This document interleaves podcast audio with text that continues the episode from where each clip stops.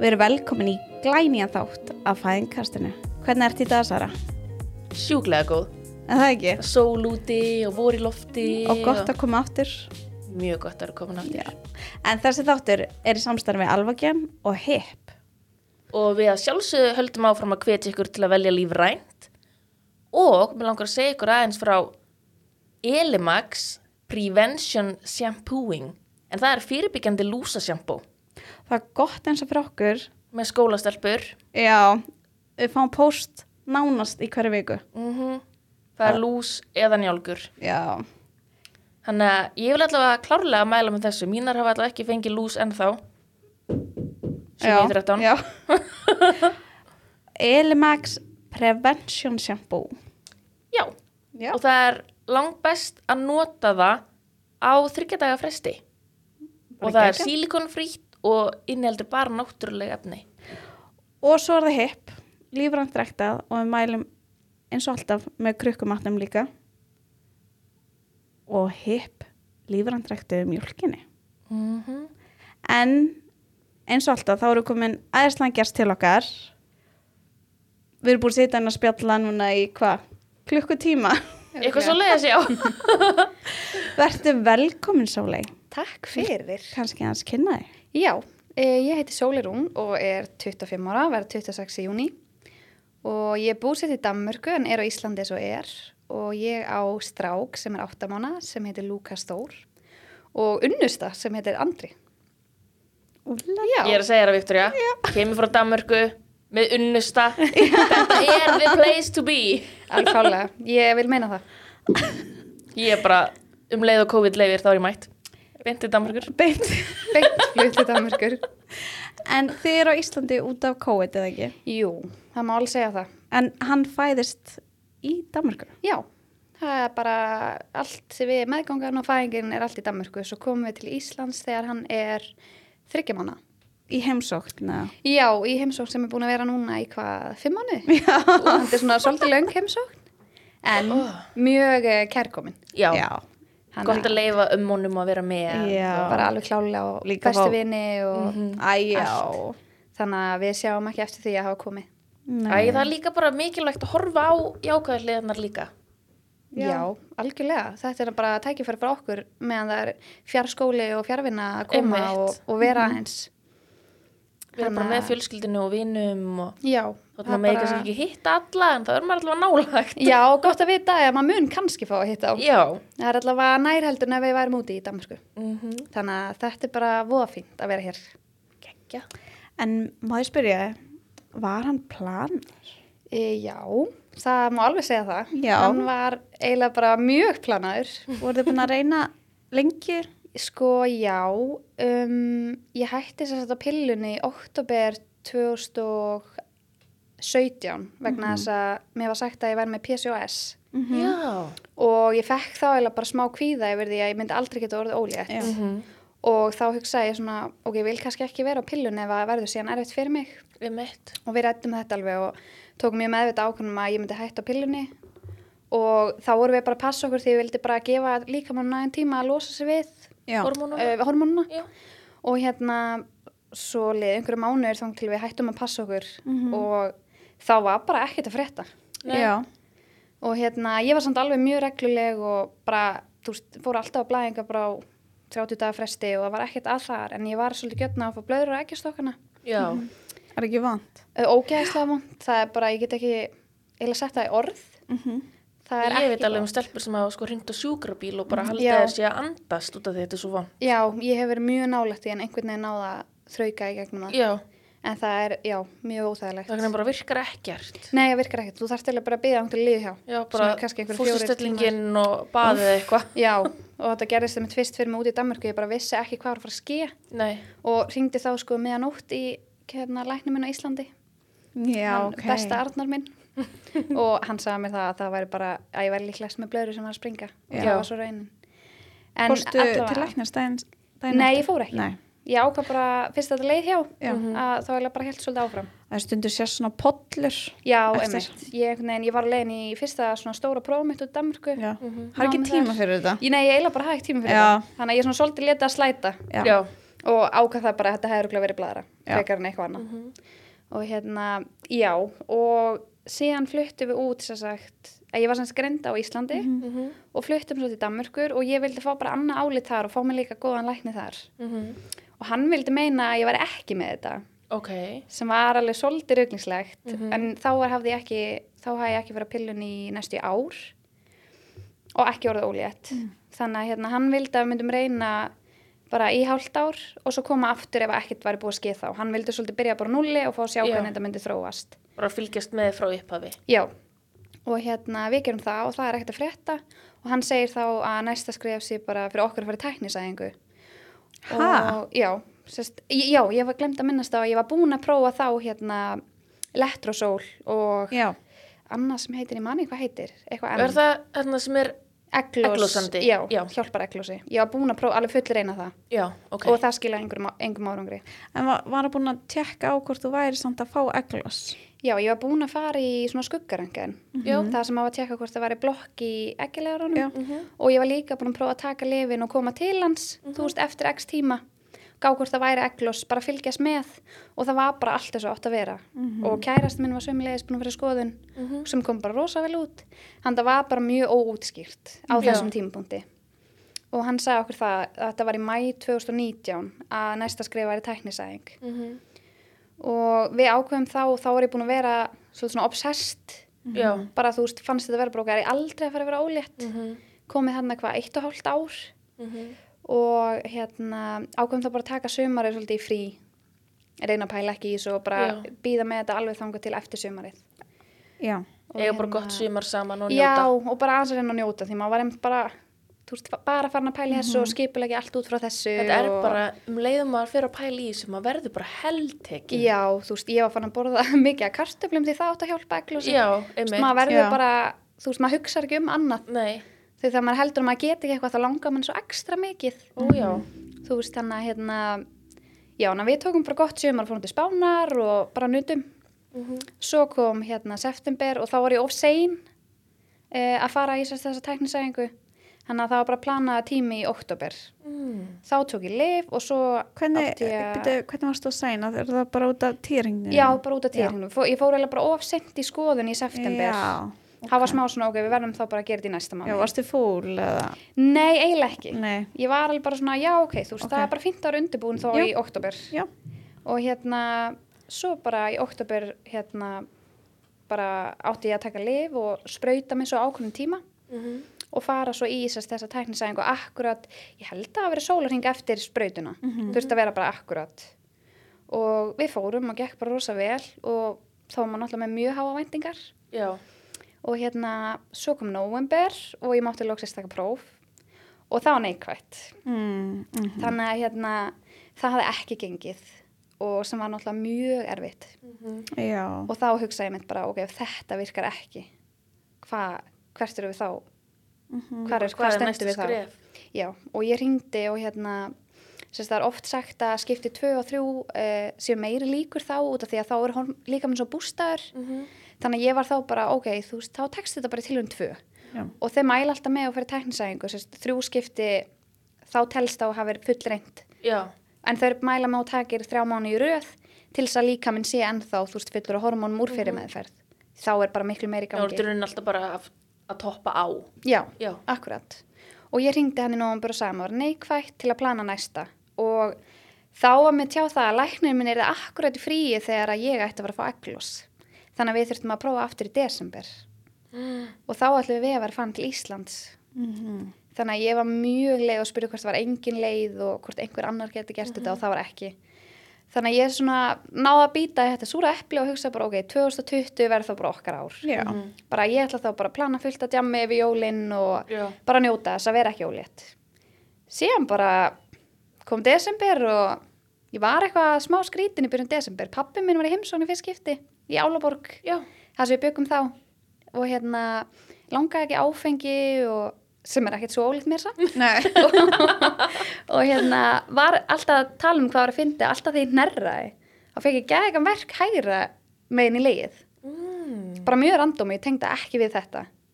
Og hérna svo kom þriðjudagur hann bara í byrjun desember það sem að hérna, ég ákvað bara að taka próf.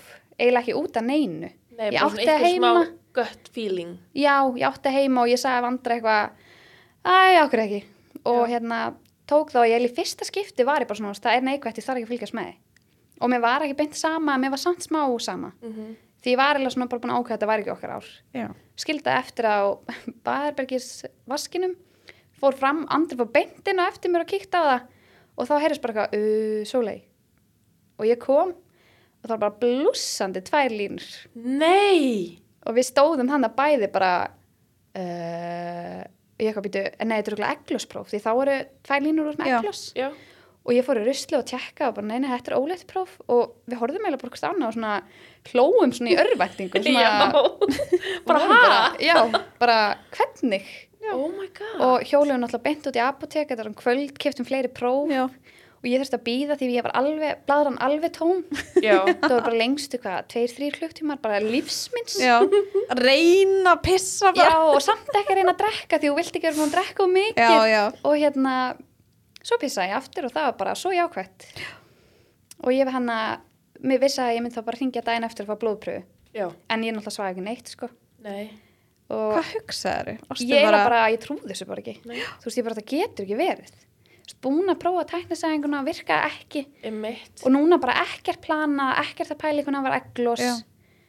ekkert bókstælega að reyna Já. þannig að þetta var eða bara en ég trúði samt ekki að, að fjögur próf getur verið gölluð Nei. Nei. þú veist, en ég var bara svona, shit, þetta er bara þetta er mjög skrítið Mhm. og fór svo í blóðpröðu hann ég held að það var 50. smotni og við fórum svo til, Dam nei, til Íslands á föstudeginum og þeir hingdu í mig bara rétt fyrir flugi til Íslands bara að blóðpröðan kom bara mjög vel út og ég var bara ólétt Já. Oh my god. þannig að við fórum með það í flugið bara, Já. það væri bara staðfest Voru Þannig ekki að- spennt bara, eða þú veist, jú, svona maður þorði valla að vera það, Já. en samt svo spennt í þetta Já. var nálagsta sem við hefum komist Já. Já. að væri jákvætt Mhm. en þetta var bara, ég geti ekki sett í orð hvað það var bara skrítið Mhm. ég fann að er í alvöru koma að þessu já.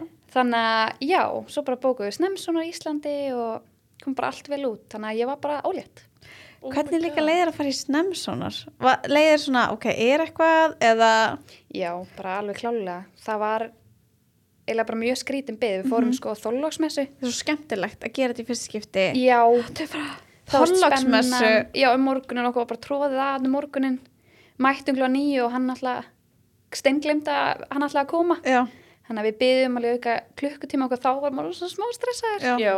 Og svo kíkti hann og þá bara sást hérna sekkurinn og fóstrið og var ekki komin hérsláttur nei. þá var ég komin bara rúmar hvað, allir 5-6 vikur Já. Já. og allir um svo bara mæta aftur eftir áramót og kíkja þá hvort það var hérsláttur Þannig að þetta hefur bara verið surprise bara rétt eftir hérna tæknisæðinguna. já, bara mánuðin eftir Já, er það ekki? Besta jólagjöf ever.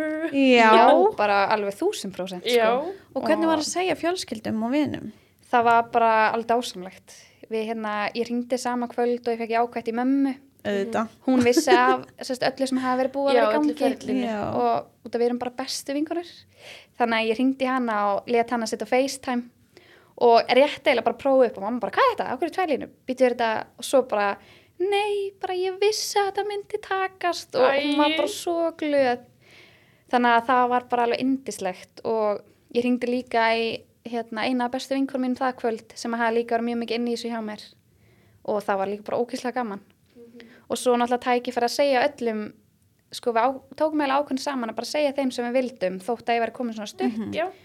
út af því að hérna, ef eitthvað myndi koma upp á þá myndum við líklegast vera mjög opinn með það. Já. þannig að við sögðum bara, vorum ekkert opinbera en við sögðum alveg hérna, öllum okkar nánustu og það var bara ógíslega gaman. Hann er bara gleymist oft að þegar maður er komin svona stutt að ef eitthvað gerist þá þarf maður að hafa eitthvað til að grípa sig. algjörlega Þá er svo gott að vera búin að mm opna fyrir umræðina. bara alveg sammála og við hugsaðum það líka þetta er allt eitthvað fólk sem við myndum segja Já, einmitt. er Svona að- foreldrar, ömur og afar, Já. sískinni, bestu vinir. algjörlega, þannig að við eiginlega bara ég sagði við hann bara, þú mátt bara segja þeim sem þú vilt og sem þú treystir þú veist, þú þarft ekkert að spyrja mig og undan Var þetta líka ekki tækifæra því þið voruð Á landinu. Að fá að gera þetta bara face to face? Og það var svo gaman eins og að segja pappa og systru mínum og, Ó, æ, það var bara ógíslega gaman. Já. og það var líka sko það vita bara rosalega fáir að við höfum reynd svona lengi og hafa farið í tænsæðinguna Mhm. þetta er svona fyrsta skipti sem ég tala eitthvað um það. Já. ég veit ekki af hverju en við bara þá var þetta ekki alveg svona mikið umræðefni þú veist að ó, hvað ófrjósemi er algeng. Þannig að hérna, það var svona smá feminismal fyrir okkur þessum tíma en núna eftir áhyggja þá hérna, eru við bara mjög opið með það og þannig að örgulega margir að heyra að fyrst skipti núna En það er nefnilega máli. Mér finnst bara nýlega að vera komið það sem er actually farið að tala um ófrjósemi. mm Og, og þótt maður sé búin að tala mikið um það núna, þá er samt ennþá svo mikið sem maður veit ekkert. Mm. Svo ég held að sé hvað, eina af fimm sem að eru, já það er eitthvað eru, að, eru með eitthvað ófrjósemi. Það er allavega hátala sko. Mjög há. það er líka bara allir þessar utan, utan að komandi þætti í dag. Já, þú veist hvað við borðum Já, og hvað er í því og mengunin og það hefur bara allt áhrif. Bara mjög mikið. Þú veist þessin er óútskýrð ófrjósemi bara eins og í okkur að var allt í læg með okkur bæði. Já, þú veist að hérna að var vel engin ástæð fyrir þetta var ekki að takast. Mm og svo bara kom það kannski út og vorum ekki að reyna. Já, stressi farið í burtu. já, gæti verið það maður heyri það líka svo oft. Lega fólk ætla bara ok, herðu ætla bara að slappa af. Mm þá einhvern veginn gerist það já, en maður var sko þegar einhver nákominn sagði þú veist, þið verður bara að reyna að hætta að pæla í þessu og þá gerist þetta, þá varstu bara Hætt Það að er bara pæla í ekki hægt. já, Nei. er nei. hvernig ákveður bara er ég er hætta að pæla í þessu? Það er bara, þetta virkar ekki þannig. Það er bara fræði er komið í heilan og það er komið til að vaksa og vera. já, já, bara algjörlega sko. líka eitthvað sem það úst, maður er búin að hugsa um þetta sem maður var lítill. Já, í rauninu bara hvernig mun fyrsta badni mitt Já, bara frá því að maður fær út fyrstu og- babyborn dúkuna. já, já, bara þú veist mun að vera stelpa, mun að vera strákur eða líka- eða ég hef bara alltaf verið algjör mamma mitt, aldrei leikið með Barbie en eitt svoleiðis, bara babyborn Já. já, og alltaf svona mammavínu hópsins og bara, mér er alltaf bara síðan ég var sko mann eftir mér, Mm. tala um bara hvað er spenntar að mamma, spenntar þetta ólétt sterka, og... sterka móður eðli. Já, og bara fannst allt við þetta svo ótrúlega áhugavert og Mhm. mér finnst ekkert skemmtilega en að skoða ólétta konur eða svona nýbúin að eiga og ég hlusta á alla fæðingasögur og meðgöngu og bara þótt að ég var kannski ekki eins og pæli þessu þá Mm mér fannst þetta bara allt svo áhugavert og mér finnst ólétta konur bara fallegast í heimi. Ó, já, ég sammála. Þú veist, þannig að er ég, svo svona, ég var svo tilbúin að þetta kæmi fyrir mig Mm en sem betur fyrr þá rættist það á endanum. En hvernig voru fyrstu vikunar varst, varstu með eitthvað ógleði eða? Nei, það Ekki voru bara alveg indislegar Mhm. og öll meðgangan. Ég var alltaf að býða eftir þessar ógleði. -hmm. Og hugsa alltaf bara, nú kom ekki núna og hlýtur nú með næstu viku. Mhm. En ég var bara svo lánsum að hún kom bara aldrei. Bara geggjað. Já, Mhm. bara alveg ótrúlega þakklátt fyrir það. Þetta er Og- hítinn í Danmörku. Nei, tjók. Gæti verið það, bara eitthvað svona dammurkur áhrif. Já. Nei, það bara, já, kom bara aldrei, en það voru við þegar ég fór í 12 vikna sónar á 13. viku, bara, ég sagði annarkvort að ég bara hefnast að ólétta koni í heimi eða ég er bara alls ekki ólétt. Já, já Og hann sagði líka bara, já, ég er alveg sammála. Svo var bara lítil baun að bakast. Fóruð í 12 vikna sonar nýtna Já. heima eða úti? Út í Danmark. Úti, já. Já, Já, var bara Va- stutt jóla áramáttastopp á Íslandi. já, svo voru við farin aftur út. en hvernig var að koma sér inn í kerfið hann úti bara ekkert mál Bara ekkert mál. Já. Þetta er mjög svona, þau sækja rosa í þig eftir að vita ert ólétt. Mm -hmm. Þú þarft ekkert mikið að ringja sjálf eða panta eða græja. Þannig að bara um leið og, og varst búin að skráða þess að heilsugjæslinu þinni, já, þá er bara, og þá færðu bara posta út að mæta hingað og þannig að þau sjá svolítið bara um þetta fyrir þig. Ó, næs. Og sem hvernig bara mjög var- var hann að tala ennsku þá Já, ég kann dönskun alveg, Já. svona allt í lagi. en kannski ekki svona Nei. nei. og mér langaði svo að vera viss sest, skilja allar upplýsingar sem Já. ég að fá þannig að ég sagði alltaf fyrst bara getum við tala ennsku hvernig líka leiðið þegar hún kveikir á tækinu og sérð bara eitthvað skoppandi frosk inn í maður, þetta er svolítið svolítið sko, maður er bara, er þetta inn í mér? já, það var bara ólýsalegt það er ekki hægt að Nei, þú veist, og það var náttúrulega ekki komin einn bumba og þetta var Nei. bara ógæslega skrítið Þetta er svo óraunverulegt þangað til maður sér. já, og já, bara en mér fannst líka óraunverulegt að sjá þetta því maður bara svo, maður finnur ekki neitt. Nei, maður er bara eitthvað, er þetta inn í mér? Og hann bara döng, döng, döng, döng bara, og bara hvernig get ég ekki fundið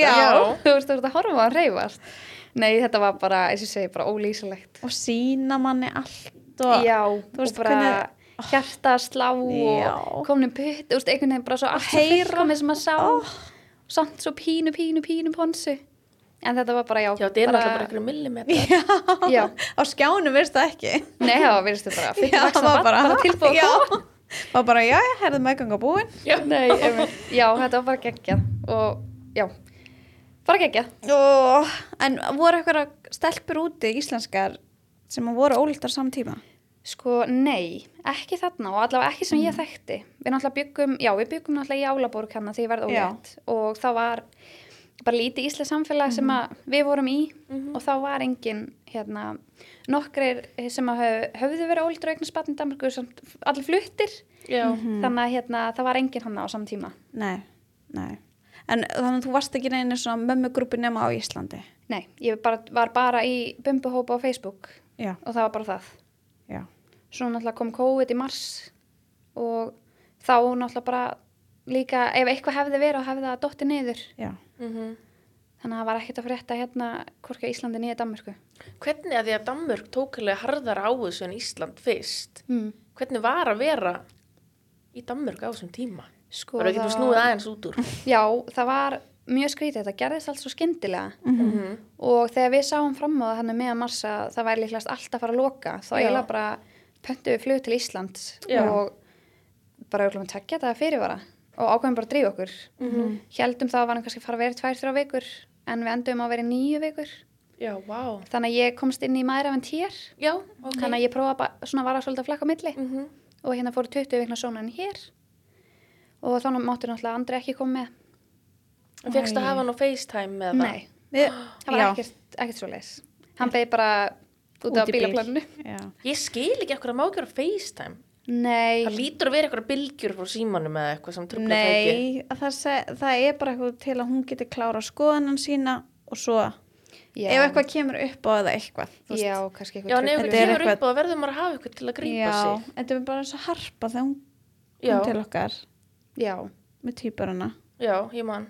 Já, En samt, úst. það var líka áfall. Ég hefði viljað já hafa ég eitthvað hefði líka mér þá. vilja hafa, okkur þá en Mhm. þú veist já, þetta er eitthvað þetta er Það er einhver já. Það er Já. já, en samt alveg sorgleg því að hann já, er jafn mikið par já, æ, það maður hugsa það, þú veist, þetta er jafn mikið þeirra og okkar Já. og þú veist, svo er þetta svo mikið gleði að fara þess að són þú ferði í Já. tvo són veist, ef, ef allt gengur vel mm, þá í rauninu ferði bara tvo. Já, emitt þú veist, er bara svona að, æ, þetta er svo sorglegt að það missi af þessu. Já, bara og mann hann langar svo mikið að vera samferða í öllu ferlinu en þetta gefur manni ekki tækifæri á því.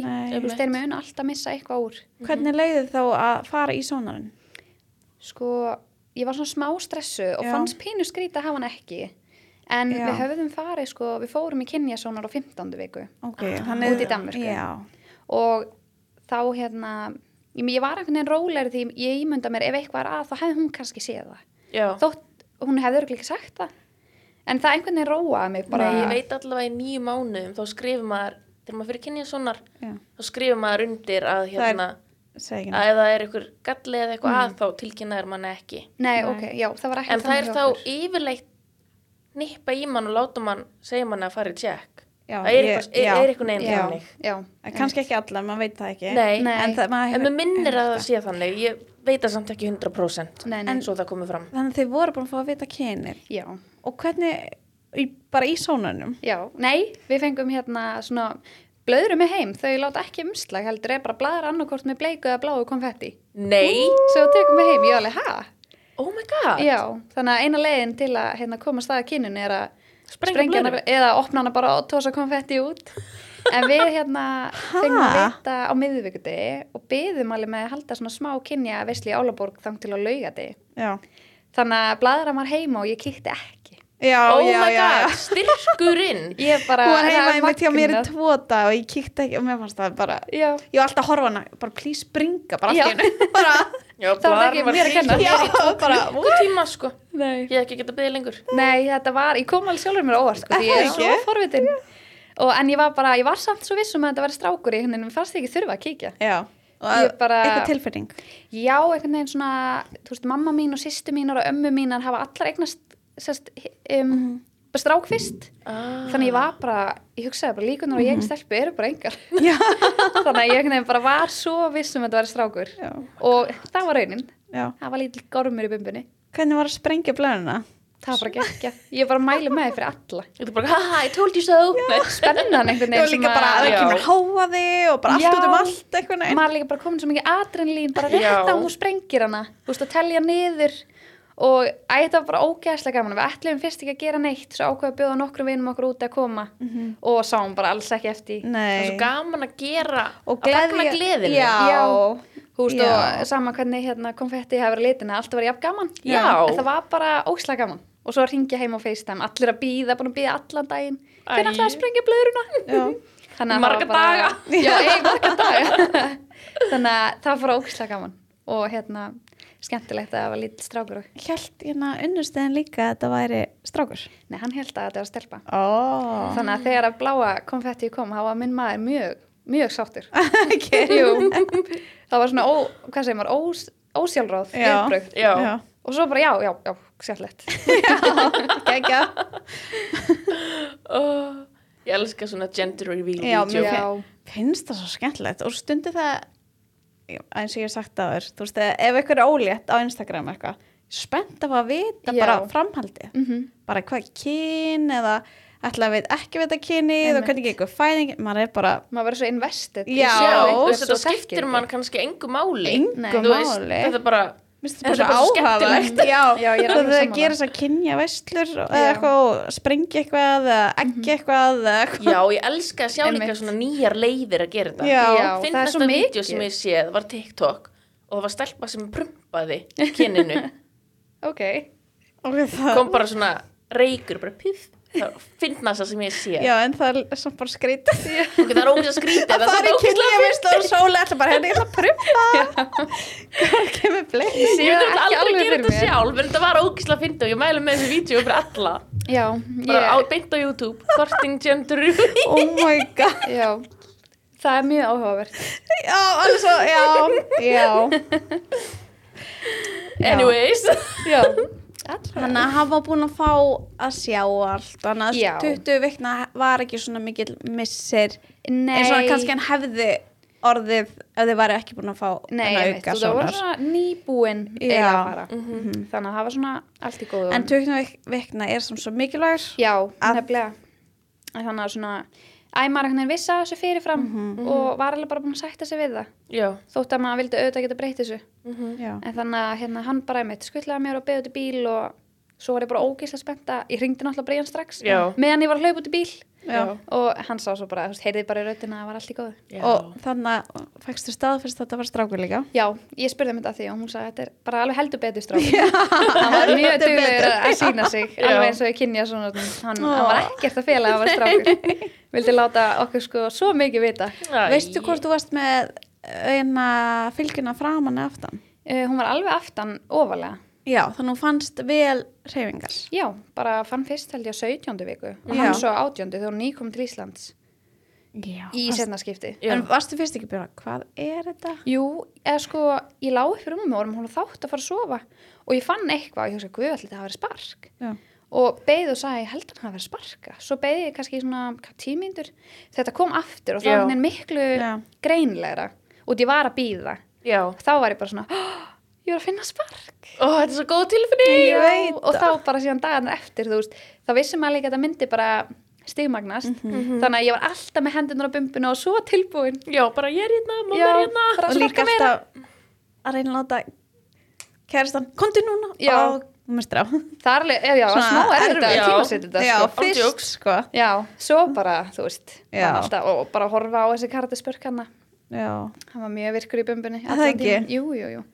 Það var, hérna, bara, já, en það voru reyfbennin orðin vel aum svona í lókin. en Já, þér- og margar hafa bara rifin sprotna Já, það er Já. ekki skrítið, þau eru Þetta er alveg sterk. svaka kraftur, sko Já, þú sér það bara þegar þau fæðast, þú veist, þau Já. eru svo Já. sterk. Já Það er ekkert fyrir það að einhver sparka beint upp í reyfbennina þér, mm sem er alveg upp við þau, Einmitt það innan frá, sko. Já, Það er vond þetta að fá högg hérna framan á. Einmitt. Nei, þetta er ekkert, Ég fæ það er ekkert svona- sko. Nei, Þetta er svo þægilegt já. En þér leið bara ótrúlega vel allar meðgönguna. Það bara tíminn leið og ógleðin kom aldrei og ekkert Já. kreif og bara ekkert. Ekkert kreif? Nei, ekkert kreif og ekkert sem ég langa ekki.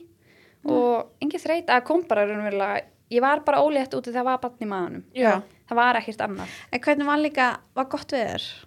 mm, já, það var svo Hvernig, gott við já, hvernig var að vera með þetta óletti gló, með bumbu, getur verið kjólum, þú veist, engur sokkabuxum, verið bara eitthvað striga, sko, bara, að njóta geð, já, þetta er svo bumbunar. næs, þetta er Sko, bara, við fórum aftur frá Íslandi til Danmörkur uh, hérna í kringum 18. mæ já, þegar alltaf var að opna aftur í Danmörku og hérna þá bara byrjaði ég að vinna og varum líka sérst, að klára bachelorn okkar. Mhm.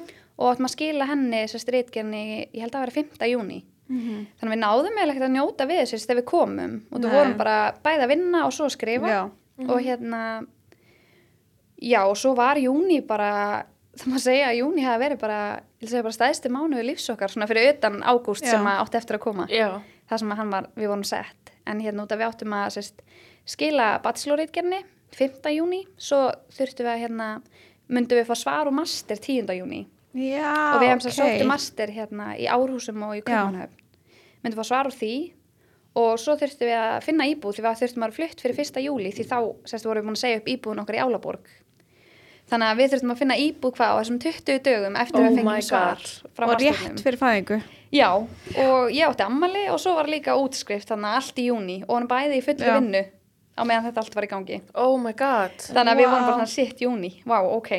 E, reyndum bara að skipla okkur vel og það gekk bara mjög vel þanga til að hérna, svona í lók júni, kringum 25. júni er ég að vinna, þá er ég búin að útskrifast og slis Mhm. og hérna ég var sérst rosa mikið að vinna á 12 tíma vöktum á mhm, Sérst, ég var að vinna á hérna svona sushi stað í street food. Mm. Hvað kallast street food á íslensku? Það er bara street food. Já, bara street Já.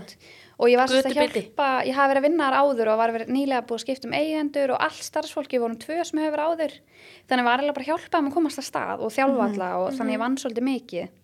Kannski of mikið með að vera komin hann yfir 30 vikur. Já.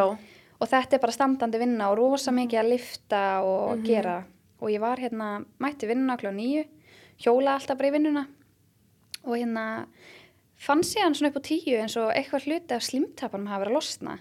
Fannst alveg svolítið skrítið en ég svo sem pældi ekkert í það og var brjála að gera og strákur sem átti að vera með mér senda að myndi koma eitthvað seitt þannig ég var bara ein. Ég spáði ekkert í þá og svo uppur hátið var ég svona, alveg svolítið skrítið og fannst, þá pældi ég í því að kúlan var búin að vera svolítið hö mikið hörð Mm. svona óvenni mikið, ég var samt alveg búin að vera mjög gjötna að fá samdrætti Mhm. en þarna pældi ég að hún einhvern veginn bara búin að hörða síðan ég kom Mhm. en samt engi verkir, ekki neitt og hérna ég ringi mömmu upp úr háti og segi henni og spyr hvort henni, hvort henni finnist ég eitthvað að ringja ljósmóður hún leið já, ég myndi nú bara gera ég held þetta sé nú ekkert, ég myndi samt bara gera Mhm. bara fyrir þig, að róa þig og ég ringi hérna í ljósmóður hérna mína ljósmæður klukkan upp úr 12 á föstu degi og hún segir mér að alla ljósmæðina sé farnar heim og spyr hvort það geti beðið þá til að mánudaginn og ég Oh alveg, God. já, eða sko, nei að ég þarf eiginlega að spyrja út eitt sem er að gerast núna. Já. hún lókið, þá er bara að ringi upp á fæðingadeild sérst á spítalanum. Já. og ég ger það og útskýri fyrir ég ger það ekki fyrir tvö, sérst ég býð bara. Ég er ekkert að stressa mig. Ringi kljóðan tvö og útskýri allt og þær segja bara já, þú veist, vilt ekki bara koma í skoðun? Þú veist, það sakar ekki að tjekka bara vera vissum að segja allt í góðu. Og ég spyr hvort ég megi koma kljóðan fjögur því þá er ég búin að vinna. Og það er bara já, ekkert mál. Þannig að ég ringi kærasta minn og segja hann mér að ég sé að fara hann kljóðan fjögur og spyr hvort hann vilja koma að hitta mig þar.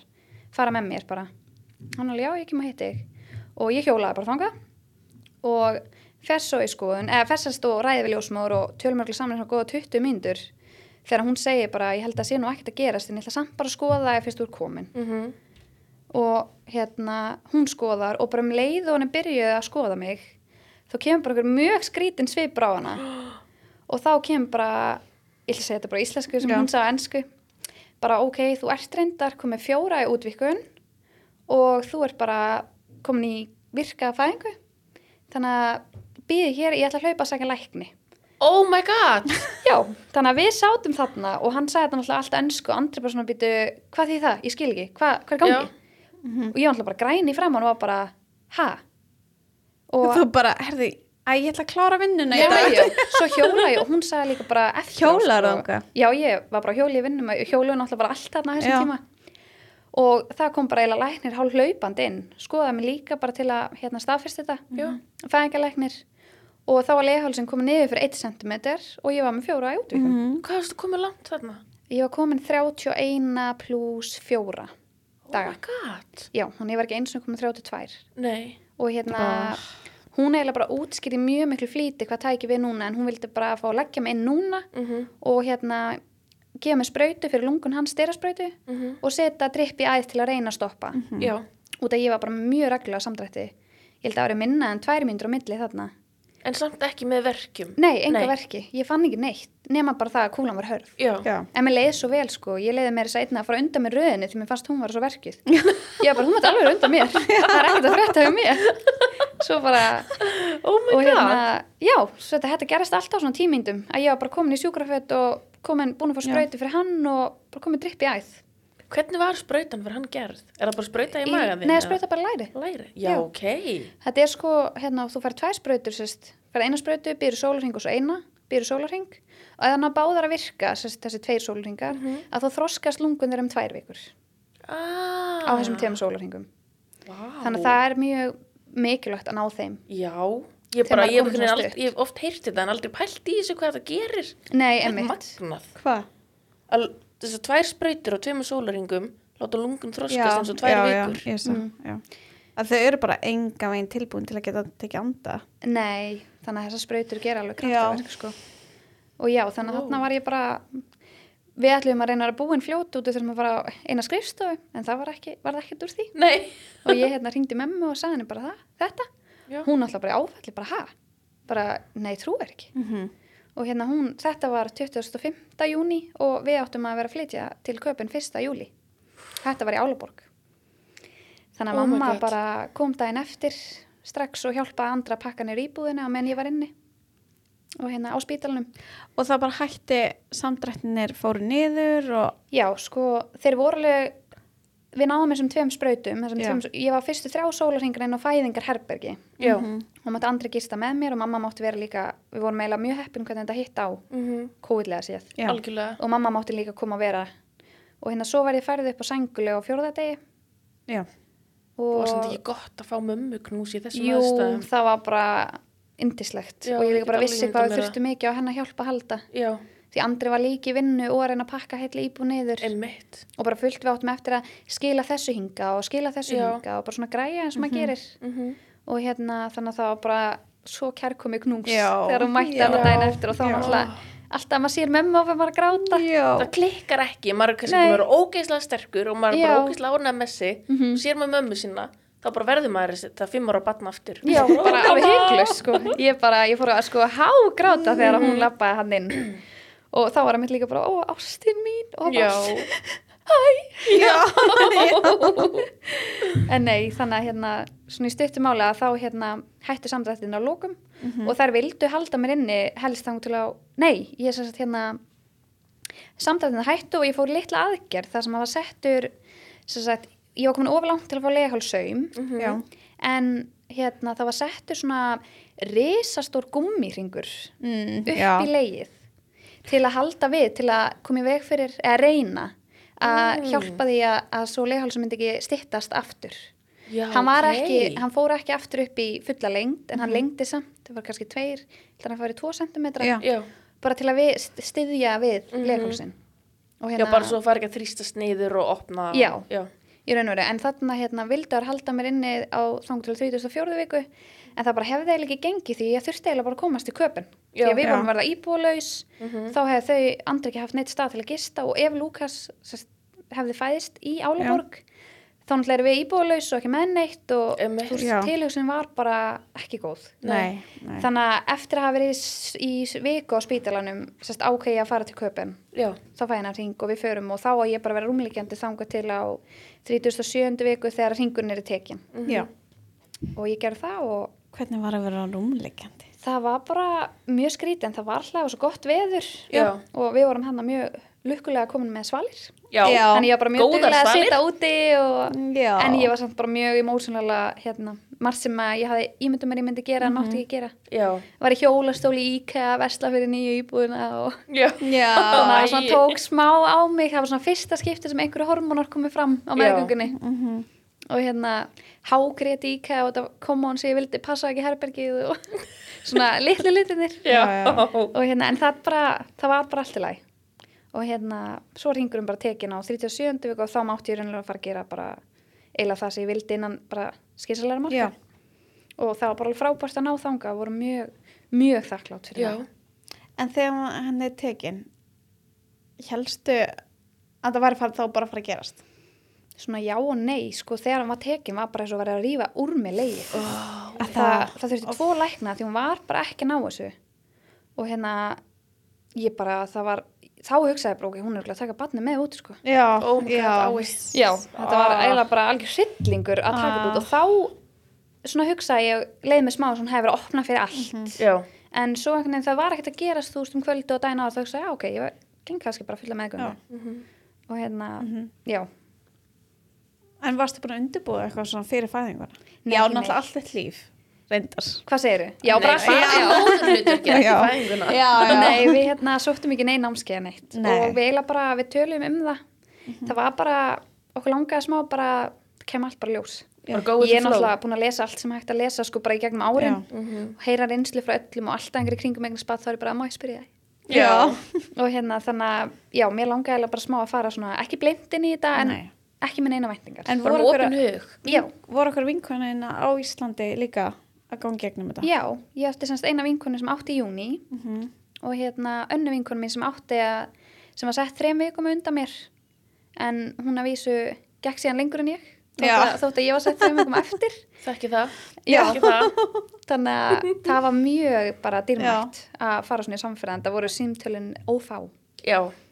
það má alveg segja það Það er engin spurningarsnaleg. Nei, og bara að tala við einhvern sem er að gera nákvæmlega saman þú og Ég pæla í veit það. skipti tösku og vagni Já. og ætla þú að kaupa svona blegur eða svona blegur mann finnst þetta allt svo skemmtilegt það. og hafa einhvern sem er, finnst þetta ég alveg á skemmtilegt þú, þú veist það var bara ég er búin að hugsa núna, næst yfir óleitt þá ætla ég bara að passa mig að vera samfæra einhverjum já, já, já. Bara- það er svo gaman. Já, það er ótrúlega það. skemmtilegt. Já. það er bara, gerir þetta einhvern veginn upplifinu bara allt öðru Já. Líka bara nenna, að kærasti minn var lungu, hættur hann að hlusta mig, sko, því Einmitt, ég var já, eitthvað að tala um þetta. og tilbaka með þetta Og hann, og hann bara, veistu hvað, eftir að mér er alveg sama, þú er þessu Þá bara. maður bara, er þeirra saman? Já, það er sama. Já, einmitt. Nei, Bara- þá er gott að hafa einhvern svona sem að Já, nennir. sem að nennir að hlusta og Já, koma með skoðanir. algjörlega. Það er eins góðar og hinar vinkunum hans eru. Mm Þá er þetta ákveð limit sem það er nenn að tala um þegar það eru ekki í Já. sama pakka. Já, Og maður skilur það líka. Þú þú nennir ekki hlusta þegar þannig hvort þetta er valið hana Libero eða Pampers og þú er bara, ég veist, ég hef ekki hugmynd. er Alveg svo eru Já. ekki við þig bara, djöld var ég Já. bleikuð í gær. Nei, Já. einmitt, svona, svo gaman að tala við eitthvað sem tengir. Já. Þannig að það var bara alveg indislegt. Og hvernig færðu svo á stað? Uh, ég fer svo á stað hérna þegar ég er komin 37 pluss 6. Nei. Þannig ég fer alveg smá fyrir að stað. Já. og hérna sérst, þetta er aðfaranótt mánudags 3. ágúst, ég var sett átjónda um, ég bara vaknaði um nóttinu að fyrir að pissa sem var svona al, alveg algengt á nóttinni Mhm. og hérna fyrir að pissa og finna með snærbuk svona eitthvað smá blöytar Mm og ég svo spá ekkert eitthvað sérstaklega mikið í það, ég pissa bara að finna í herbyggi og Andri Stinsóðandi, ég er svona á ég vekjan já, æ, já, segi við hann ég held að, ég hafa kannski verið að missa eitthvað smá vatni og hann, hérna var nýbúin að vera í mjög stóru prófi þannig að hann var eiginlega hitt búin að sofa en hann bara, nei, nei, nei, þetta er ekki það, fyrir maður aftur bara þetta er ekki það. Og ég bara, nei, ok, þetta er eiginlega það. Leggst upp í rúm og ligg. Svo finn ég bara eitthvað að það er eitthvað að fara að ski þannig ég stendi upp og þetta bara alveg eins og í bíómynd en það bara kemur bara gusa. Já. og þá náttúrulega vakti ég minn mann Mhm. og hérna Oh þá var bara ha, ha? Og ég bara, ég var að missa vatnið. Og þá fóð bara tilfinningarnar, allar tilfinningarnar. Já. Bara, þetta var svo skrítið Bara komið að þessu. já, og sko mamma mín, já, við vorum búin að bjóða henni að fá að vera viðstödd hún átti flug til okkur á föstudeginum þannig var mándar Já. þannig að fyrstu viðbröð mín voru en mamma er ekki komin Já. Já. og hérna, en svo svona og ég var líka smá svona svægt því að bara svona en ég er ekki búin að vera ólétt ég naut mín svo mikið og mér leið ennþá svo vel Já. að mér langaði svo að klára þessa meðgöngu Já. en svo kom spenna og við hringdum upp á spítala Já. og fyrstu viðbröð mín voru síðan að hérna, annan að ringi með mig og var að fara henn á bað og sletta mér hárið Já. Vera fínu sæt. Já, ég var að fara í styrtukvöldinu áður í mér mjög krulla hár þannig að ég gæti ekki hugsað mér þetta allt hérna út um allt þannig að ég satt bara á hangklæðin á baði og, og á meðan að Andri hérna satt og var að reyna að finna flug fyrir mömmu Já. þetta var sérst mánudagana var frítið að verslunum hana þannig að hún var í frí í vinnunni og var endur upp í sveit þegar hringdi hana en hún byrjaði að bráði bara og ég ætla alltaf bara að fara í bæinn og þú er örgla búin að eiga á en ég kemst Já. en ég ætla alltaf að reyna og hann fann flug fyrir hann bara sjö um morgunin og hérna þannig að hún var á, bara að fara að drífa sig til okkar Pældi spennan fyrir hana líka. já, og svo Fá þegar þetta síntal bara. já, Og svo ertu bara mætti köpinn Já. eftir bara. Einmitt. Þetta var bara hann þú veist, ég ringi í hana klukkan, ég held að það verið tvö á íslenskum tíma og hún er farin í flug klukkan 7 um morgunin. Sæl. Þannig að það gerist allt mjög hrætt og hún er klukkutíma fyrir utan Reykjavík þannig að það þarf að byrja að keira heim, Já. pakka og keira svo upp á spítala, nei upp á hérna Já. flugvöll. Oh my god. Þannig að það var líka svona spenna fyrir hana. Hún bara hvarf og pappi allir vögnu daginn eftir, bara hvar er mamma? Er hún ekki hér? Svo var mjög skemmtilega frétti sem byði þeirra hérna, að hún var í bara leiðinni. En hvað tekur svo við? Þú ert bara heimi hjá þér, segja þær þér bara hingra án til að fara verki? Um, nei, það segja bara, hérna, ég er byggð þrjá tíma að koma þá í skoðun. Ok. og hérna, þannig að við bara fengum að borða og vökuðum plöntunar og pökkum, kláruðum að pakka, þannig að ef við skildum ekki koma aftur, þarna var ég ekkert byrjað að finna neitt, mér leið bara mjög vel. Og það var glampandi sól og 30 steg hitti, þannig morgunin, það var einhver hittabilgja í Danmörku, Oh my god. þannig að við horfum bara sólin að koma upp og svo var bara komin tími að koma okkur og hérna, Hvernig fóruð þið við leiðum bíl. Það er, svona, það er svona eins og hlaupahjólinn hér, bara nema þannig bílar. Já, jú, já, já, þetta er Svona á mörgum rafmagnsbílar. stöðum. Já. Já, þannig að við leiðum bara svoleiðis því að spítalinn var alveg í svona 25 minúta fjarlægð. Mhm. Þannig að hann andri fór bara náði bíl og, og við gerum það.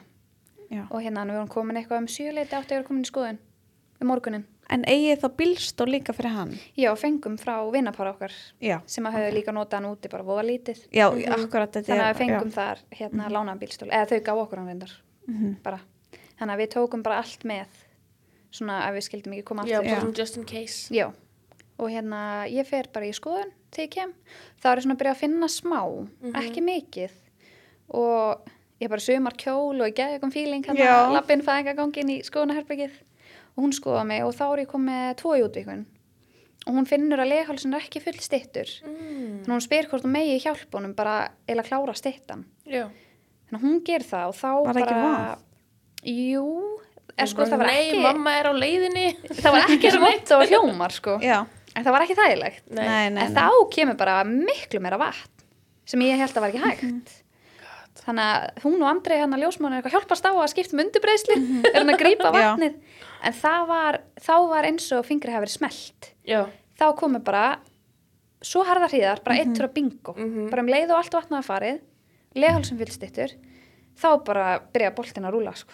Mhm. og ég bara Veistu hvað, komum eitthvað útvikman þannig? sko þarna var ég bara með tvo Já. en svo bara klukkutíma setna í þessu skoðanaherbergi, ég var að býja eftir að fá herbergi var að koma fjóra Mhm. Þannig að það gerur svona hratt. þetta gerist rosa rætt Og var þetta ekki vant? þetta var bara hræðilegt Já. hann náttúrulega, hún sagði strax bara já þeir eru eftir að fara heim, þú mátt bara fara út í bílana í dóti ykkar Mhm. Já. og við ætlum bara að fara að fá herbergi og ég sagði hann bara hvað langt þá ætla ég að fengi mænudegningu Já. því ég bara fann það að ég var ekki að fara að lifa þetta af sko.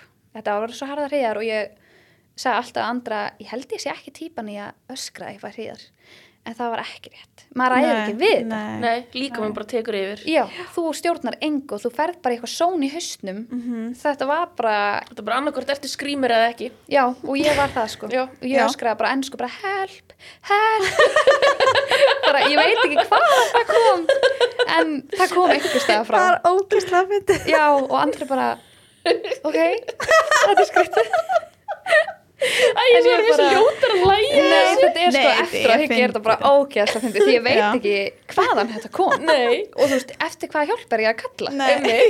bara, og á ennsku sko Já, þannig einmitt. að ég meðutum ég væri þarna í öðru landi Já.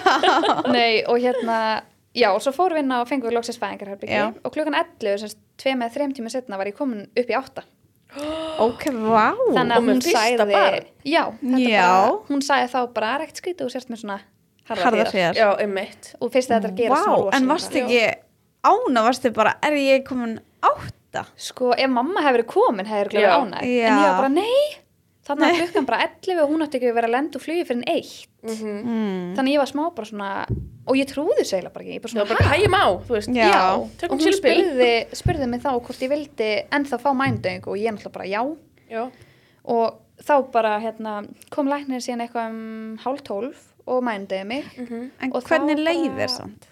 þegar í ríðunum. Já, Mér leið bara alveg hræðilega Mhm. og ég var bara, ég var svo hrætt Já. og ég, alltaf þegar ein ríði klárast vissi ég bara var að fara að koma önnur eftir svona Já, 20 sekundur. varstu hrætt út af því að sásökin var svona mikill? Já, Já. ég fekk bara svona innilokun kent, þú veist, mér langaði bara að geta ítt á bara stopp. Já. Hætt veist, við? Já, ég var, það var hugsunin, sko, bara er ekki Já. einhvern veginn hægt að hætta við, bara Já. í smástund. Já. Já, bara meðan maður næra andanum og næra fókusera sig. Já, Það ég er það svo bara, vond, um leiðum maður finnur hræðsluna Mhm. og svona gefur eftir hræðsluna, þá bara missir maður allir stjórn. já, og þú veist, ég var samt að ómeðvita að gera þessa hafendun, mm Já. sem maður er að Já. gefa frá sér hljóðum en andar, Mhm. og einhvern veginn að ég anda mig í gegnum þetta. Ég gæti samt bara verið að set, ég gæti ekki staðið eða neitt. Nei. Og hérna, svo fekk ég mændeginguna og það var bara algjör himna sending. Já. Ég bara, ég get ekki sett það í orð hvað ég var þakklátt. Já. Ég sagði bara hana fyrst eftir hann bara, ég ætla að giftast þessum lækni. Já. og aldrei bara, ok. Ég sá hann ekki eins og sko, ég gat ekki, Nei. ég gat ekki að opna sko. þakklæti bara svona Ég bara, svo já, íta pásu. Þetta er þetta bara, var bara dásamlegt. já. Og þarna bara, þú veist, hæðist á öllu, bara svo mikið, að mamma kom. Ú. Var hún ekki sveitt bara? Jú, hún ringdi bara leið og hún lendi bara, hæ, er hún búin að fæða? Þú veist, Já. og þegar hún frétti, ég væri bara með átta og væri stopp í átta og væri smá bara, náttúrulega mjög glöð. Fyrsta fæðingin sem hún ætlaði að viðstödd og búin að vera spennt alla meðgönguna. Og hérna, þannig að hún náði, kom með brakandi ferska rækjusumlóku frá Íslandi og ég var svo glöð. Oh my god. Þannig að við bara áttum hann bara indislegan dag. Það mænudegin hefnaðast bara fullkomlega. Mhm. Og hérna við vorum bara í róliheitum, bara borða og hlusta tónlist og kvildum okkur og þetta var bara, En fannstu fyrir líkamneginum? ég gæti ekki, ég fann fyrir löpunum en ég gæti samt ekki staðið hann. Nei. hann. Ég mátti ekki fara á klósti hann, ég þurfti að hérna, Fá fara á klósti í Svona stól. Nei, ég sast í svona, eins og hjólustól með gati. Já. Varstu ekki skrítið? Það var mjög skrítið, Já.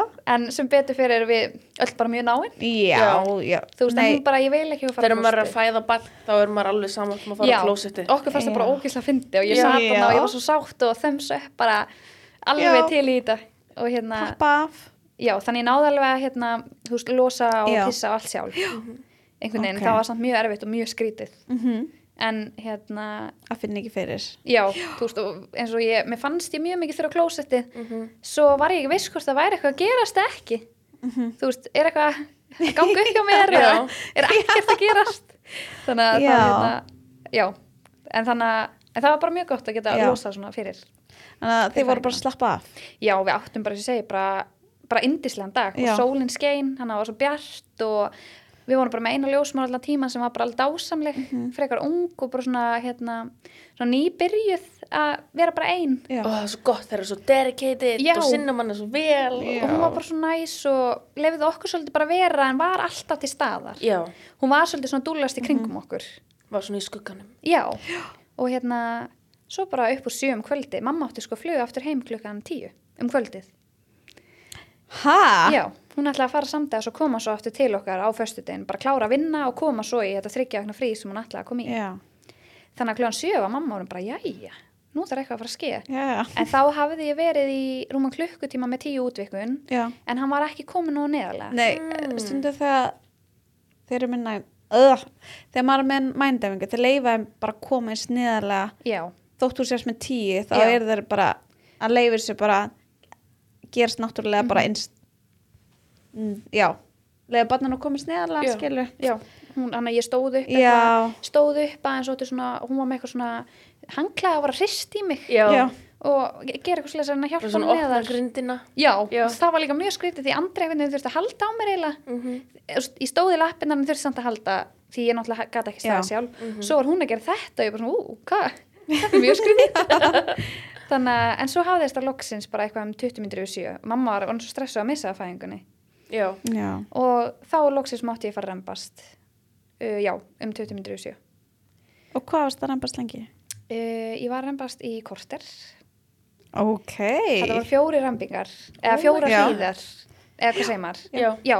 Fjóra hríðar sem að tók og mænudegingin bara hefnaðist það vel að ég fann rempingstörf Já. en ég fann ekkert fyrir neinu þannig að þetta var bara algjör draumafæðing Mhm.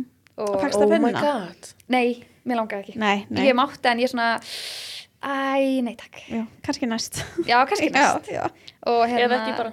já, ég, ég held eða ekki sko ég, ég sé ekkert eftir því núna Nei, ég vildi Ég- ekki finna heldur, sko. Nei, en mamma var bara geðið til og ég sagði við hann bara að taka myndir af öllu, bara Já. það er ekkert heilagt Mhm. því ég var geðið til að sjá eftir á Já. og ég sé ekki eftir því í dag Nei. og bara magnað að skoða eftir á en þannig að hérna, rempingurum bara gekk svo vel Mhm. og bara innan, já, á þessu korsteri var hann bara komin heiminn Hvernig hann var- fegst hann beint á bringuna. Já, það var bara Hvernig var að sjá hann? þetta var bara tilfinning sem er ekki hægt að lýsa Nei. bara eins og allir segja, veist, það er bara ekki hægt að setja lýsingur orð yfir þetta þetta er, þetta er skrítið en indislegt og samt svo skrítið Já. og óreinverulegt þetta eru svona alla tilfinningarnar á sama Já. tíma Einmitt, þetta er bara svona tilfinningaflóð. já, bara þú veist, þetta er svo magnað en maður trúir þessu samt ekki. Mm bara var hann að nynni Já, bara hver kom hann fyrir? einmitt, og samt svo lítill en samt svo stór og þetta var bara, já, bara indislegt og þú veist, og bara æ, þetta var dásanlegt Já, æ, Var mamma henni ekki bara úrvinda og bara öll tárin Jú, og... hún hafði bara ekki tíma til að vera þreytt. Nei. þú veist, það var svo mikil spenna að það var spenna sem hélt Já. En henni fannst bara alveg indislegt að hafa geta verið viðstödd og fannst þeim bara magna að sjá fæðing frá þessu sjónahotni Já, Og dóttir að, já, og hún á fimm börn sjálf en hefur aldrei, Aldrei aldrei verið- verið annan. Einmitt. þannig að henni fannst það bara alveg indislegt og við vorum bara þetta var bara eins og í sögu gekk allt svo vel Mhm. og hann bara fór beint að brjósti og sög bara svo líkir herfóringi Jó, það er ekki skrítið líka. jú, það var mjög Já, skrítið fyrsta skipti. svona svo krafturinn Ég Já. svakalegur. Sterk, sko. Maður hefur einmitt heyrt það en svo Já. gerist það úr svona, já, vá Já. Einmitt. þau kunna þetta alveg sko. Já, þú veist, sjúa bara já, Já, bara eins og enginn sem já. morgundagurinn. Já. Og líka bara svo magna að sjá myndböndin að þeim skríða að gerustinni Já. sjálf. Bara, þú veist, ekki skríða. Nei, en Nei, þau finna þau finna og lyktina svona- og eru svona að tegja sig í þetta og svona Einmitt. reyna eins mikið því að finna bara er hvað eru það að vita bara að þarna áttu að fara já. það var alveg, og hann stóð sér bara svo vel og já, hvað var hann stór? hann var 12,5 merkur Mm -hmm. Og 49 cm ó, svona að- lítill já, en hann var? Samt svolítið langur. hann var langur sko Já. og svo var hann þokkala stór með að hann kom aðeins meir en tveim vikum undan Já, já, auðvitað Já, þannig að hún Já. sagði, þú veist, með við það er þetta bara mjög flott stærð og Já. ég átti mitt pantaðan tími vakstasónar hann að sama dag ég fór að stað. já, nei. Þær voru eitthvað að hafa ágjör hann getur verið of lítill, en svo Mm. kom ljósa, Hann það var bara áhyggjur. já. Hann var bara alveg fullkominn. Því að ef hann hefði verið tvær vikur í viðbót og hefði hann líklegast verið ykkur á 15 merkur. Já, og hún hefði sagði hann, út af því að hann stækkaði mjög mikið í lokin hann hjá mér. Já. Því hafði farið einu snáður í vakstasónar Mm og hérna, þannig að hún sagðist, með við það ekki hann getur verið sko upp í 17 kannski. Já, vá. Þannig að ég var bara eiginlega mjög sátt með hennan tíma. Já, já, Að hann hafa ákveð að koma þarna. já, já. Þá var bara,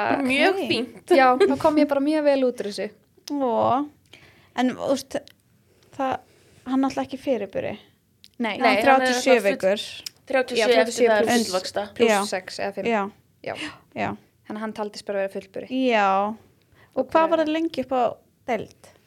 Um, í Danmörk er þannig að þú ert fóreldri fyrst skipti máttu vera alveg í tvær nætur. Mm -hmm. Bæði saman, bara með herbergi og þú ert bara með aðstöðu vilt en ert annars bara að lifta að vera. já, Og við vorum alveg í, við fórum ekki heim fyrir en aðfarnátt föstudags, þannig við vorum hvað, fjórar eða þrjár nætur. Þrjár, já. Já, já, við vorum í þrjár nætur eða fjóra. bara til að fá aðstofa Þrjár nætur og fjóru daga. Já, já, passar. Er það ekki? uh, vorum, hvað, aðfarnátt þriðdags, aðfarnátt miðdags, aðfarnátt fimmdags, já, þrjá nætur, Já, fjóra dag, já. jú, passar. já, Nei, við hérna, það var eiginlega út af því að sko, þegar hann fættist, þá, hann fæðist þess að 1944, Já. Að hann er bara voða væri og drekkur og náttúrulega bara eins og ungu búin eftir fæðingu, sofa bara, eru bara þreytt. eru bara þreytt, nema það svona upp á miðnætti, að þá hérna, byrjar hann bara að háa sig bara að orga, hann bara, þú veist, og hættir ekki alla nóttina, hann hættir ekki bara fyrir sjö morgunin, Oh, hann bara, og sko hann grét ekki heldur, hann, hann var eins og stungin grís. Bara svo væri verið að pynta hann. Og hérna, það bara, við skildum ekki bara hvort þetta var eðl þannig var náttúrulega alltaf að ringi bjöllinu Já. og fá einhvern inn og þessu bara getur verið svo margir þættir. Já, kannski eitthvað að beglast hendin í fæðingunni og hann er eitthvað umur eða bara, getur eiginlega verið bara hvað sem er. Og hérna og svo um daginn sem daginn eftir það eftir þessa nótt, þá náttúrulega er það bara ómögulegt að vekja vekjan til að fara brjósti að við bara, þú veist, klæðum hann úr öllu setjum ískaldan þvottabóka, förum hann út í glugga hann bara vaknar ekki hann er svo þreyttur, greið æ, bara átökin eftir fæðinguna og svo eiga svona nóg. Já, þannig að við náttúrulega endalust náðum í ljósmál bara, þú veist, nú er hann ekki búin að drekka í sex tíma, hann náðu að drekka á þryggja tíma fresti, mm -hmm. ég var þá svo stressu af framlýstunum minni Já. og náttúrulega bara að hann myndi ekki léttast allt og mikið Einmitt, þannig að við vorum alltaf að ringja og reyna að fá þær, þú veist, getið þið einmitt, bara eru þið með eitthvað ráð? Já, og það var einmitt að þannig að dagurinn, veist, svo hjælt þetta bara svona áfram, bara aftur alla nóttina bara öskra og öskra og ekkert sem virkaði og það er sögumint bara, það er eiginlega ekkert hægt að gera nema bara að býða, þú veist, það er bara það getur bara gerst Mhm. og þá var dagurinn jafn erfiður þannig að við treystum okkur bara ekki til að fara heim eftir tvæ nætur þannig að Nei. við báðum um að vera eina viðbót mm -hmm. Hefðum eiginlega vilja vera lengur en okkur langaði samt líka svolítið heim Andri svaf hann að í einhverjum stól Já, Já, það er búin á því já, þú veist, við vorum ekkert búin að sofa bara síðan á laugadeginum sko. Já. eða sunnudeginum En hvenær fyrir mamma henn heim? Þarna hún um fer heim bara beint eftir fæðinguna Já. og hún nær fæðingunni Já. og kemur svo aftur á föstudeginu sérst, við komum heim á Mhm. 50. kvöldi og hún kemur svo til okkur á föstudeginu og á þá að vera hjá er, þá hjá Heldur henni vikur. fannst ekki erfitt bara, jú, hún Þetta fekk er líka örgulega ekki erfiðasta Já. sem hún hefur gert. já, hún fekk líka ekki halda hann því hann var bara ennþá í mínu fangi þegar hún fór Ó. og var að- það var ekki búið að hérna þú veist, hann var allur alveg út í fóstufittunni Já. og var svona bara hjá mér pappans var ekki eins og hún halda á honum Ó. þannig að hún svona svolítið sá hann og þurfti að hlaupa Já. Þú veist þannig að en við hringdust mjög reglulega á Facebook og maður náttúrulega bara er svolítið með mig sjúkur en að mamma, hann var að hérna þetta, er það eðlilegt? já. En hvernig leið þér eða ykkur bæði þegar hann var svona orga?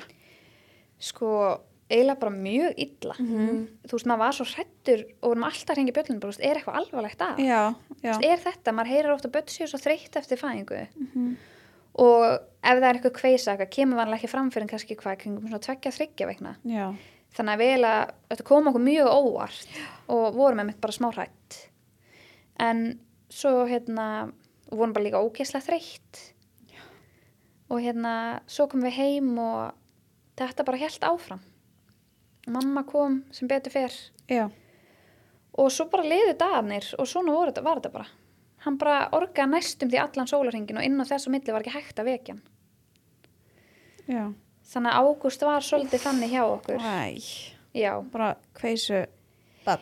Já, sko, og þetta var samt svo ólíkt kveisun því þetta var ekki alltaf svona sama tíma og þú veist Nei. kveisan ótt bara henni í sex tíma Já, hún er að- yfirleitt svo staðbundin á Já. sama tíma sólarings alltaf. Já, Maður getur líkuð bara verið með klukkuna, bara jæja, ok, einmitt, einmitt. brettum upp ermar, ballið er að byrja. Ég var reynd búin að googla það sko en hann var bara einhvern veginn næstum því allan sólarhingin hann svaf rosalega lítið og hann svaf alveg bara í fangi Æ, og svo þegar hann sopnaði eftir kannski sex tíma grátukast þá náttúrulega bara var hann gjörsamlega rótaður Já, Þú veist, ég veit ekki hversu mörg myndbönd vegum á okkur að reyna að vekja hann. Já, Já. þú veist, og stundum var maður bara það var eiginlega bara það sem var mest líjandi við þetta ástand það þegar maður var að reyna að vekja hann. Mér Já. langaði svo að hann myndi fara á brjóstið. Mhm, og ég náttúrulega bara kannski hann stútfull.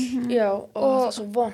já, og hann bara svo latur út af því hann var bara svo þreyttur fór kannski á brjóstið, tók þrjá sopa og svo bara Já. steinsofnaður aftur. Já. Og hérna, Æ. og það var líka alveg lítill þannig að við þurftum alveg að vera svolítið strönga á þess að þrjá tíma Já, að hérna, og það hann léttist líka hann, ég held að vera 8% af fæðingaþyngdinni Mhm. Já. má ekki vera mikið meir en 10 Nei. skilst mér já, þannig að við þurftum svolítið að passa þetta Já. en það bara hérna, já, liður svo bara vikunar og var bara indislegt að mömmu hjá okkur í þessu að við gáttum aðeins lagt okkur tvö mhm, og hérna en ég fekk örugglega bara svona eftir hvað kannski tvær vikur af þessu þá fekk ég bara bara algjöra ránkvömyndi bara um mig sem móður Já. Já. ég einhvern veginn upplýði mig bara sem alveg bara þú veist, alla tíu með dreymtum ára mamma og það er bara svo svona sem ég ætla að standa mig Já. ég einhvern veginn, mér fannst þetta vera svo mikið mér að kenna æ, og svona, þú veist, maður verður náttúrulega bara, maður fer að hugsa svo vittlist þegar maður er svona þreyttur já, allur efinn og allt Já, kemur inn. þú veist, og mér fannst bara mér fannst þetta bara alveg drullu erfitt Mhm. þú veist, ef ég var alveg hinskilin og það var alveg þarna út og meðgangan gekk svo vel og fæðingin og Mhm. fyrir utan hann að smá hyggst þegar ég fórst það en það var eiginlega bara þarna sem skellurinn kemur fyrir okkur þegar hann er fættur bara frá Já. fyrsta kvöldi Já. og ég fekk bara svona þessa innilókana kjönd bara mér fannst ég bara vera föst einhvern veginn og get ekki gert neitt Mhm. og bara þetta var svona einhver tilfinning sem er ekki hægt að lýsa núna Mhm. en það var bara, ég upplýði bara mjög mikla vanlíðan Já. maður er svo ós, uh, ekki ósjálfbjarga en samt eitthvað, maður er svo fastur í aðstæðum já, og það er einhvern veginn ekkert sem maður getur gert nei, þú veist og við vorum búin að prófa að nutta alls konar og Mhm. fá heima, sérst það er ekki ljó, ljósmaður sem koma eins og Íslandi fyrstu hvað, tíu dagana Já. heldur kemur heima hjúkunarfræðingur Mm. sem að kemur fyrst bara um leiðan fættur, svo eftir viku svo aftur eftir viku, svo eftir tvær vikur þetta er mjög sjaldan Mm. og það er engin ungbarnavend, heldur er það bara heilsugjæslan þín eða spítali Já, ok. Sem að var, þú veist, og við hérna, ég hans að hringdi og baða hann um að koma aftur og hún reyndi, þú veist síndi okkur eitthvað nutt, ef þetta væri, út af við heyrðum alltaf rosa mikið loft í maganum og hann var Já. ekki duglegur að kúka sjálfur.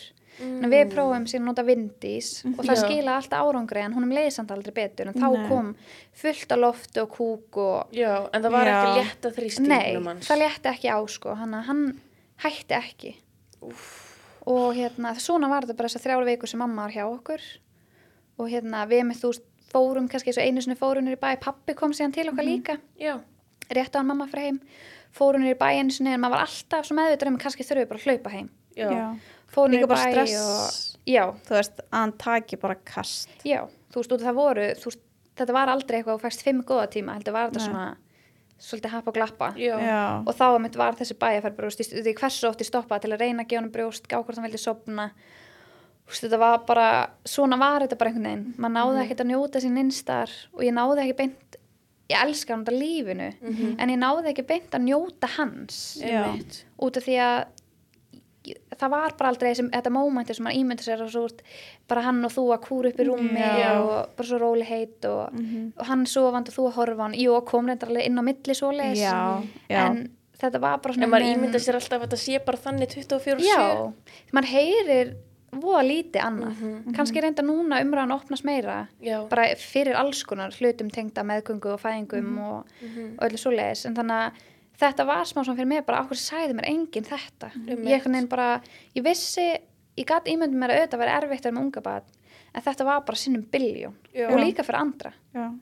og hérna Var hann að vinna á þessum tíma líka? já, hann var að vinna og hérna, svo var skólinn að fara að byrja líka hjá honum Varst ekki þá stressu fyrir því að hann Verður að fara Jú, og bara Já. þegar mamma og pappi fóru, ég bara grét og grét og grét, Já. ég bara, þá var daginn sem maður sérst fyrst í skóladan hjá andra og daginn sem mamma og pappi fóru, þau fóru, þetta gerist allt sama dag, þannig að ég var Oh. að fyrst skipti ein með hann og ég bara grét og grét og grét. Já. Þú veist, og ég beið bara eftir að hann kæmi heim, þú veist, og maður er mitt bara svo stressaður og þú veist, getur ekki lagt hann frá sér, þú borðar ekki og ferð ekki á klóstið og, og þú vilt heldur ekki skilja hann eftir grátandi, en ennþá svo nýr, þannig að það var bara hvað rúmlega þryggja vegna, Já. verða fjara vegna. Og maður er líka bara svo hrættur sjálfur? Hérna- Já, af því að þú get ekki tjáð sig. Nei, og þú svona en hvað ef ég er ekki nóg, það þarf einhver annar að vera líka. Mhm. Já. Þú veist að ég upplifi mig sem ömmans, mér fannst ég ekki vera nóg fyrir hann, því ég gat ekkit alltaf hugga hann, eða bara mjög sjaldan, en það gat það endur enginn. Nei, en maður er náttúrulega alltaf bara vestur við sjálfum svo reyndar í lok ágúst, þess rétt á hann að vera fjara byrjar hann rosalega mikið að æla. mm. byrja bara mjög mikið að kasta upp og við erum mjög duglega að láta hann rópa og ég prófa Mhm. öllir á þeim, þú veist, að láta hann drekka minna í einu og rópa fimm sinnum í hverju gjöf og þú veist, prófum þetta allt Mhm. og hérna, og svo leið bara rétt eftir hann var fjara þá hérna var hann fann að æla þannig að það bara, sérstu, byrjum að gefa hann ábót því hann var að, sérstu, þennan fyrsta mánu létt þyngdist hann rosalega lítið Já. þótt að hann drakk bara mjög vel Mhm. Þannig að heimaljósan, eða heimahjókunarfræðingur rálaði að ég myndi byrja að gefa hann ábútt bara í pela, eða sprautu. Við byrjum að gera það. Og svo byrja hann að æla bara svona svakala og Já, það var það kröftugt. Já, það Já. var það kröftugt að koma oft út um báða nasinnar á sama tíma. Mhm. Þannig að hann náttúrulega missir andan þegar akkur það er að Já. gerast. Og það einhvern veginn bara heldur áfram og, við ringjum í heimahjókunarfræðingin og hún svona, já, þú veist, prófa að gefa hann um fyrst brjóst og býða svo hálftíma og svo ábót, svona reyna alls konar svona. Mhm. Þannig að þá var náttúrulega bara komið tíma sem ég eiginlega þorði ekki að vera ein með hann Já, því mér brá náttúrulega alltaf svakalega þegar þetta gerðist já, skiljanlega. þú veist, og með formúlunni ábútunni var náttúrulega ælan miklu þykkari Mhm. Já. þannig að hérna, við fórum með hann til læknis það var bara rétt að vera fimm vikna, fórum þá með hann í heilsugessluna og vildum fá ávísun sérst, barnalæknis vildum fá ávísun og fórum og það var okkur tjá það bara, hann var vikta og þau sögðu bara, hann var alveg flottri vikt eða þyngd. Já, og hérna ættum bara ekki að vera að hafa áhyggjur hann var svo rosalega fallegur. Og ég alveg bara ég er ekki hér komin til að fá staðfesting á því hvort barna mitt sé fallegt eða ekki. Ég veit hann Einmitt. er fallegur. ég veit það en það er eitthvað að. Já. Og Mhm. við eiginlega bara, þú veist, fengum ekkert meira þetta og hann vildi, hann sagði, ég hef myndið skrifa upp á okkur fyrir barnalækna, ég held að var eitthvað að en ég held ekki, þannig ég ætla ekki að gera það Ha? já, þannig við fórum bara heim og ég bara Ha? Ég hefði barið hann. já, Ég veist, ég var alveg Já, mín, ok, ég hefði náttúrulega ekki gert það, en maður verður það. feimin, maður svona, ó, uh, ok Já, Svo maður er og svo óöryggur með sig. Já, svo líka- nýr í hlutverkinu. Já, maður líður svo, maður er bara, ok, byrju, er þetta bara mömmusíki? Er ég bara eitthvað, bara móðursjúk? Einmitt, einmitt, þannig að við pöntum tíma sérst á annari heilsugæslu dæn eftir og fórum og það kom einmitt bara nákvæmlega sem að viðmót bara, er þetta fyrsta batni ykkar? Já, Og þá vissi ég bara hvert þetta stemdi. Ég bara, já, en það er ekki málið. Hann er allt og léttur og bara, neðan er fítnithyngt, en við vissum bara að maður er of léttur. Já. Mhm. Og orgar allan sólarhingin, ælir og ælir, þú veist, nær valla kvílast. Þarna hafði komið dagur þannig að maður sá 20 mínútur á einum sundi. Yfir allan daginn, þrjár mínútur hér, fimm mínútur hér. já, mm. þangur til að við endum að um kvöldi að leia bíl og kerðum Já. því það bara virka ekkert Mhm. þú veist og hann var, hafði aldrei þarna geta svo í vagninu með neitt og hérna fórum hann til læknis nummer tvö fórum svo heim svo leiði bara dagurinn og þetta gerist eftir um kvöldi að hann kasta svona svakalega upp. Þegar ég ringi í svona eins og 17 17, svona, Já, svona ekki einnig tveir en svona lækna. Já, svona hjúkun, að tala við hjúkunarfræðing Já, eða eitthvað og tala við lækni. Og segja honum bara allt og hann segir bara, já, ég held að það sé alveg sniðut og þið komið bara hingað á barnadildinu og við skoðum hann. Þetta var eitthvað 11 um kvöld. Mhm. og við förum, leiðum bíl og keirum hana í 25 mínútur. Já, og fyrsta sem þau sjá bara það að hann er allt og léttur. Mhm. já, Þau sá það bara strax Já. og hérna við segjum nákvæmlega hann þetta búið að vera og svo leis og út frá því að hann var svona léttur vildu þau bara leggja okkur inn Mhm. hann á barnadildina og við erum lögð inn og hann fyrir bara í alls konar rannsóknir og við fyrir með þvílíkt prógram bara þryggja tíma fresti, viktun, brjóst, viktun Mhm. þá kom í ljósa að hann var að fá meiri nóg eiginlega bara miklu meiri nóg Já. þannig að hérna, Hann er kannski bara að skila allir umfram mjölkinni. jú það var alltaf líka að fá hann ábót á tíma Já. sem hann þurfti greinlega ekki Mhm. og hérna, hann fór bara í alls konar, ég held að hann hafi farið hérna, 11 sinum í blóðpröf eitthvað á þessum tíma sem fannst var ekki óþægilegt Jú, og svo var sko fyrsta sem var gert vildi aðtöku hvort hann var með þakkfæra sýkingu þá þarf að stingi gegnum Já. magan hjá strákum já. Já. þá gæti ég gæti ekki verið inni Nei, já, ég bara, Ah. ég get ekki bara get ómögulega verið inni svo sárt og svo að heyra. veginn- Og ég með langar Já. bara að gráta að hugsa um þetta. Það er svo von. og þau eru svo lítil, Já. þannig var hann bara rúmlega rétt að verða fimm vikna Já. Úst, við vorum ennþá að kynnast honum Já, og hann var bara allt og lítill til að vera standi í þessu Já. og hérna Hann á bara að vera að heima drekka og í mömmufangi Já. og pappafangi og... algjörlega, þannig að hérna, hann fór í alls konar rannsóknir og hann fór í ómskoðun og hann fór í hérna, Vá. hann fór bara í allt og bara alls konar blóðprur og bara, út af því hann, þau sáu bara hvað hann kastaði svakalega upp og Já. var ekki að losa sjálfur, þannig að þurftum við alltaf að nota vindís Já. annars bara kom ekkert út og hérna já, og vorum í þessu ströngu matardagskrá Mhm. svo leið bara tíminn og kom alltaf vel úr öllu byrjuði bara út Mhm. alvegasta og það kom samt alltaf bara vel út úr öllu sem var náttúrulega frábært en líka vakti meiri spurningar Mhm. Já. og hérna og hann fór í hjartalínuritt og aftur í blóðpröfu og veirustrókur og alls konar. Og hérna var, og hann var hérna mitt æla svona mikið. Svo var COVID náttúrulega, þannig að hann Já. aldrei mátti ekki gista hjá okkur, mátti bara vera daginn.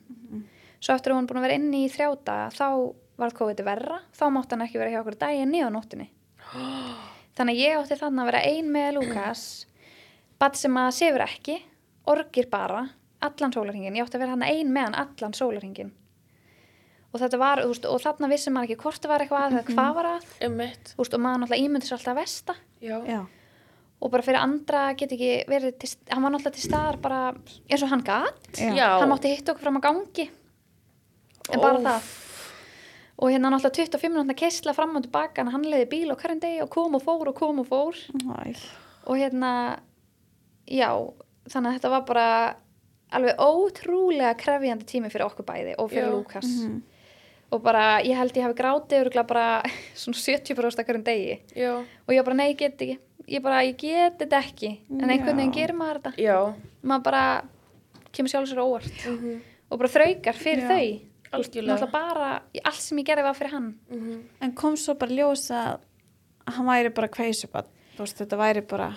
sko, við vorum hann varði eiginlega aldrei betra á spítalum og þau voru smá uppiskroppa með hvað það væri prófuðu einhver smá baklæsli í smástund og prófuðu einhver magalið bara í smástund en fullir reyndu aldrei neitt. Mm. og fengum svo að fara svona heima leifi og hérna þú veist, þá var hann sem betur fyrir en það byrjar að þingja svolítið Já. Ok. þannig að það var svona nummer 1, 2 og 3 Mhm. og hérna fórum í heimaleifi sem gekk vel en hann var samt svona ekkert svo mikið betri þegar að við eiginlega bara smá ég var svona búin að heyra að þú veist reynslusur hér og þar. Að við eiginlega bara smá í okkar hendur og ég bara krafðist þess að eða við, að hann færi bara á 100% ónæmismjólk.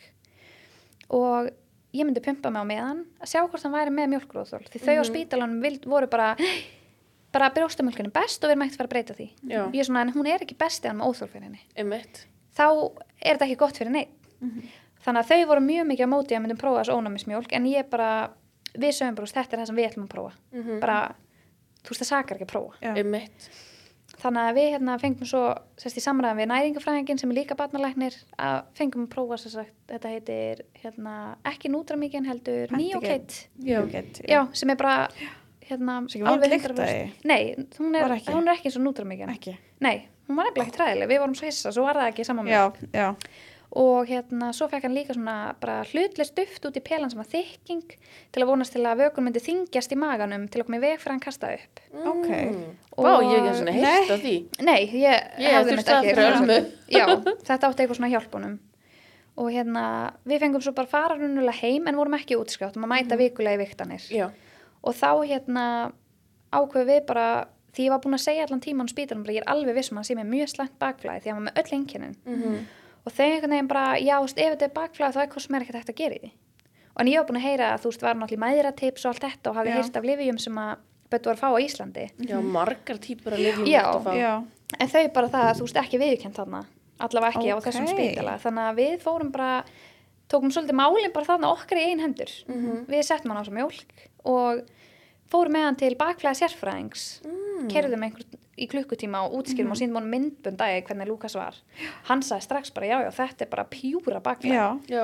greinilega á mjög slæmu stigi og hann sett hann á hérna hvað heitir það, en hérna ne Ég manna ekki. Nexium? Strákur minn var á okkur. Mín var á Sandtak. Já, Já. ekki hýrt um það Nei, hann var settur á Nexium tvisvar dag Já. Þarna var hann líka að fá tvisvar dag svona magalegt til að hjálpa hann Já. Movikól, já, hjálpa hann að losa og var á, á ónámsmjölkinni, þykkingunni var á baklæðslifjum og magalifjum og þarna eftir að hann var tveggja mánuða allt þetta var búið að vera sérst, að verða sérst, hérna, bara í oktober, já, þegar hann tveggja mánuða þá bara fyrst bara byrja hann að vera betri Já. þú veist, við gátum lagt hann frá okkur í ömmustólinn í tímyndur Já. sem var bara alveg dásamlegt Mhm. Og hann fór kannski ekkert að sofa svo mikið meir og við, við sváum rosalega mikið með hann bara í svona rappi framan á okkur við skiptust bara á að sofa í sófanum upprétt að annarkvort var með hann framan á Já. þannig voru nætunar okkur og einu sinni meir þess að gengu við það langt að við vorum með bílstólan á milli okkur upp í rúmi og hann svaf þar Já. þú veist, við reyndum bara allt Já. og hérna, en þarna bara fyrst bara loksins byrja hann um greinilega að liða betur og hann byrja að brosa Oh. veist, við höfum bara aldrei séð það Mm. og hérna þannig að eitthvað af þessu var greinilega að virka Þarna fá þau svona kynnastónum. já og hann svaf, ég ma- gleymi ekki hann svaf í fyrst skipt í vagnunum í klukkutíma út af svölum ég sko, ég gerði svo mikið á þessum klukkutíma og mér leið bara svo svo vel Já. og þetta var bara klukkutími Já. en ég bara fekk mér að borða, lita á mér augabrún og horfa á Já. þátt og ég bara svo kom hann inn og leið líka betur Já. Veist- útkvildur, elsku Þetta var bara kall. dásamlegt.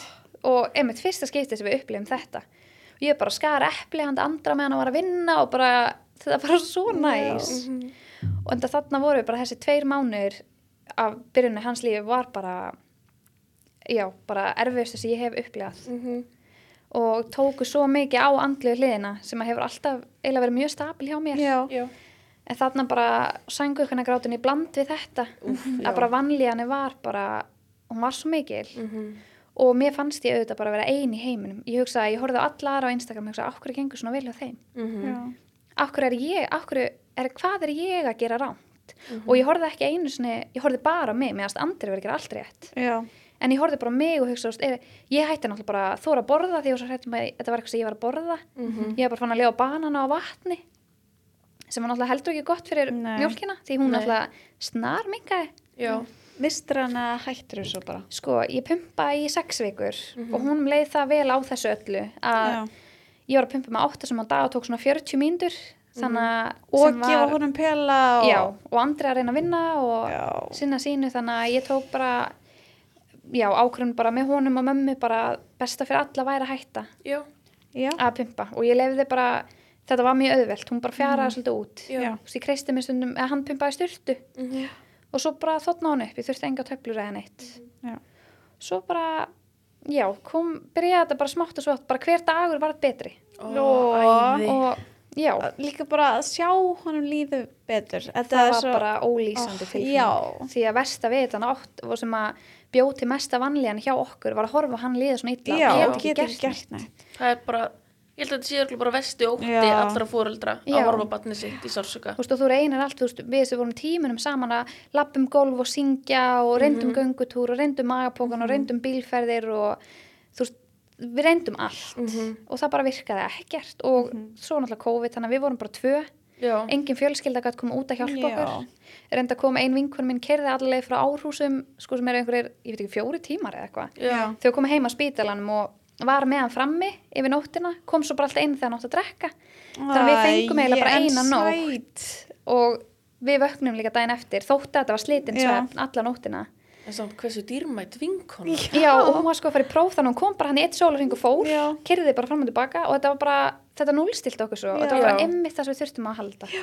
geta verið tvö saman upp í rúmi Mm bara bæði að kvíla okkur Já. en það var maður bara þannig að ég hafði ekki svo í tvær vikur þegar vorum á spítalanum Já. Og bara þetta var svo dýrmætt og vel þegið og hún Já. bara eldaði fyrir okkur og Ó, vá. var bara með hann hann frammi og það var bara svo gott út af, einmitt þetta voru óvenilegar aðstæður Já. að enginn geti komið Já. því að Mhm. fjölskyldur okkar begge hafa náttúrulega bara verið, voru öll að vilja að gerðin það bara sótt hví hér og sótt hví þar og það var bara ekki hægt fyrir neitt Nei. en þess vegna líka hérna, þegar við sáum að ástandi var að vestna og, við gátum komið þannig að þegar maður þryggja mánu Já. þá ákveðu bara að dríja okkur því við þurftum bara aðeins aðstóð Já. við fundum það bara og þú veist, ég skammaðist mér pínu þá að þurfa aðstóð með batni mitt Mhm. og eftir bara þrjá mánu þú veist, það er, mann finnst þrjá mánu getur verið svo mikið en við vorum bæði bara algjörlega útkerði eftir allt sem hafa gengið á bara, og líka allt þetta sem er skeður í júni og Mhm. Svo ég er umlíkjandi í júli og svo fæðist hann og þannig að við vorum bara þurftum svolítið bara að komast heim. Já, Algjörlega. Og Í það er smá bara... búblu hérna, bara í fjölskyldu búblu og fá bara æ, bara knús frá Já. fólkinu okkar og að fá aðeins aðstóma hann Já, og geta réttan bara Já. hérna, ég ætla að borða. Veist, viltu, og hann bara, hæja maður. Það var bara alveg yndislegt. Og en sem betur fyrir þannig að þau komum heim er hún fara að líða betur. Já, svo náttúrulega bara hver dagurinn og hver vikan verður bara betur og betur og allt í einu var hann fann að svo nóttinni og allt í einu var hann fann að svo í vagnum það gerðist einhvern veginn allt bara allt í einu. Já, svo bara í kringum svona fjagra fimmana var hann bara orðin svo, bara leið svo vel. Ó, og var bara hann algjör bolla langt yfir alla kurfur Já. hann var alltaf undir. Hann bara um leið og byrjaði að þingjast þá tók hann bara hálf kíló á viku ég ætla að vera stór. Já, bara geggja. Þú veist, þannig að og svo núna er hann bara, hann er svo vær og sefur svo vel alla nóttina og borðar svo vel og bara er alltaf brosandi. Mhm, og þú veist, við erum svo, maður horfir svo oft tilbaka og út af maður svo fljótur að gleyma. Mhm. að við erum mjög duglega að stoppa og hugsa bara vá hvað við erum þakklátt þú veist, og ég horfa á hann brosa og ég bara, því ég hugsa á tímanum sem þetta er að gerast þú sér engan enda á þessu Nei. sem að hlutinir eru sem vestir. Mhm, og þú hugsa bara, er þetta alltaf að fara að vera svona? Já, og maður svo fljótur í að gleyma sér í að horfa og ég er bara spennt að vera svona stór og hann var ekki lengur og léttur og hann var ekki lengur að gráta og þannig ég svona pínu misti af því þegar hann var svona lítið því ég var bara Já. einhverju móki. Mhm. já, Og bara bara- survival mode. já, maður Já. bara hugsaði, þú veist, hvernig kemst ég, get ég lifa á daginn dag, Já, þú veist, og reynda að gera einhvern veginn allt til að stytta daginn. Já. Og já, þannig að þetta var bara, þú veist, mjög mikið sjokk og Já. kom okkur bara alveg ótrúlega mikið á óvart Mhm. og sérstaklega mér, tilbúin að vera mamma og bara fannst ég vera svo, Já. bara ég á þú að varst- vera mamma. já, en þú varst líka ótrúlega tilbúin Já, og, og maður svo fljótur í að þetta hugsa bara alltaf versta um Já, sig, um- að já. ég, þú sérst að bræðast þótt að núna náttúrulega eftir líka bara að hafa rætt þetta og þú veist, upplega betri daga Já. og alltaf sá ég bara okkur, ég var að gera mitt besta og það var ekkert Já. sem ég gæti gert meira. Og ekki hann heldur, Nei. pappans. Veist, við reyndum okkar besta. Og, og þannig að hérna, já, þannig að maður er ekki einn, ég komst líka að því. Það eru Já. fleiri sem að lendi í þessu. Já, já, ég er hér. Já, Miklu me- fleiri en maður minn, grunar. já, hann var alveg, ég var alltaf minn hjá lækni, mannst ekki Jú. þegar ég hitti hana með hana litlu, mhm, minn orga allan tíman, ég bara skammast mín, Já. ég gat ekki fara út með hann eitt og, og ef eitthvað var að bjóða okkur í mat eitthvað, ég bara, veist, nei Bara einangra bara- sig svo. Já, Já. ég bara, ég meika ekki að fara neitt út með hann ég vildi einmitt. freka bara að maður er grátandi heima, heima, já, einmitt, bara alltaf minn hjá lækni bara, þú veist, það er eitthvað og prófa alls konar lif og allt þetta einmitt, en kom eitthvað í ljós nei, Nei. svo bara hætti það Þetta er oft bara eins og segja líka bara læknanir og við fórum strax með hann til. Dómus og segja það var bara baklega Já, en hann var samt ekki, veist það er betra á livjónum, sko. Nei, hætti bara að æla. Já, einmitt. Það er oft einmitt bara Já. eitthvað sem lífin hjálpa ekki við sko. en það er einmitt bara, hann sagði þetta er oft bara þau eru oft bara ekkert tilbúin. Nei. það er eitthvað sem er óþroska sem veldur um vanlíðan. Og maður heyrði líka í, já, og- maður heyrði í maðanum og maður bara sá bara eins og blaðra stundum. Já. bara mægin, og lofti bara ekki fara rétt átt Já. eða komast út. Já, og þetta er ógeðslega erfitt. Þetta er það og það er bara ég hef ekkert bara síðan að Lukas fættist hef ég bara, eða svona eftir að voru með hann á spítalanum Mhm. þá eiginlega hef ég bara ekkert verið feimin við að tjá mig um það að þetta er, getur verið. Já, ótrúlega erfitt. Þótt að þetta er indislegt og þetta er Mhm. þess virði allan tíman eða mann er kannski upplega ekki að þetta var þess virði allan tíman Nei, ef ég var alveg hinskilin nei. Því það koma oft þessar tilfinninga bara Mér langaði stundum bara að skila honum í bumbuna. já, Já. bara í smástund já, og svo náttúrulega greit ég bara yfir því að líða þannig. Já. Og svo talaði með veginn og heyrði maður að þetta eru svo fullkomlega ellar hugsanir á þessum Mhm. tíma og þú ert bara buguð. Maður er bara örmagna. já, þannig að ég kom síðan að því að þú veist, ég átti líka rétt á að líða bara, já, þetta er erfitt Já. og hérna þannig að getur verið erfitt er Mhm. það ekkit endilega fyrir alla eða ekki jafn erfitt kannski Þetta er bara alveg sem fæðingarnar. Þetta er bara eins og hans um fyrir þáttinn. Bönnin sem er að fæðast, þetta er allt bara sína mm manneskjur og þær eru Já. allir mismunandi eins og við erum allir mismunandi. svo eru þær bara að anda í fyrsta skipti og opna Já, í fyrsta skipti og fá allt hennu bara mjólk Mhm. að drekka í fyrsta Já. skipti og mægin er bara, þú veist, kannski ekki tilbúin nei Nei, og þau eru bara að læra allt Mhm. og læra að melta matinn og þú veist, einmitt þau er bara allt svo nýtt. Það er alveg rétt, þannig að það er svo margt sem getur verið og svo getur líka allt verið bara fullkomið. Já, allt bara allt þess gengur ókysla vel Einmitt. líka. Og mér er líka bara dásalegt að heyra þegar ég spyr nýbaka maður hvernig gengur. Og bara þegar það gengur vel þá samgleis maður bara svo inn í Já. það því Já. maður veit líka núna hvað það er gott. Já, Já. því maður hefur prófað bæði. Já. og hérna þannig að þú veist það er líka bara dásamlegt þegar Já. hlutinni ganga upp eins og reyja að gera. Já, þannig að já, við erum, þetta er svona allt saman bara smá rússipanni en algjörlega þess verið og ég myndi gera þetta allt bara þúsins um aftur já, fyrir hann í dag hann er svo sæt já, hann er svo sætur og hann er bara svo góður og vær og hvernig var það að hitta vinkonu einar fyrst skiptið alla með ungana já, henni alla bara með babies Já, það var svo skrítið. Við höfum verið á FaceTime og Já. tala Já. um þá svo mikið. já, Þær voru báða með stráka og svo er mitt bara einhvern veginn að hittast. Það var bara Já. svona, og því hittaði bara síðast þegar við vorum ólíktar. já, Þannig að það var, en það var líka bara indislegt og þeirra hérna búin að hittast bara síðan að fættust. Já, ekki alveg. Síðan voru ekki mána. já, Já. já, Og það er bara svo gott að hafa einhvern með sér í þessu. já. Það er bara, ég segi, bara ómetalegt. en er þau duglega að hittast Sko, já, ég er sérstaklega duglega að hitta eina vinkur mína sem býr í Hafnafyrði.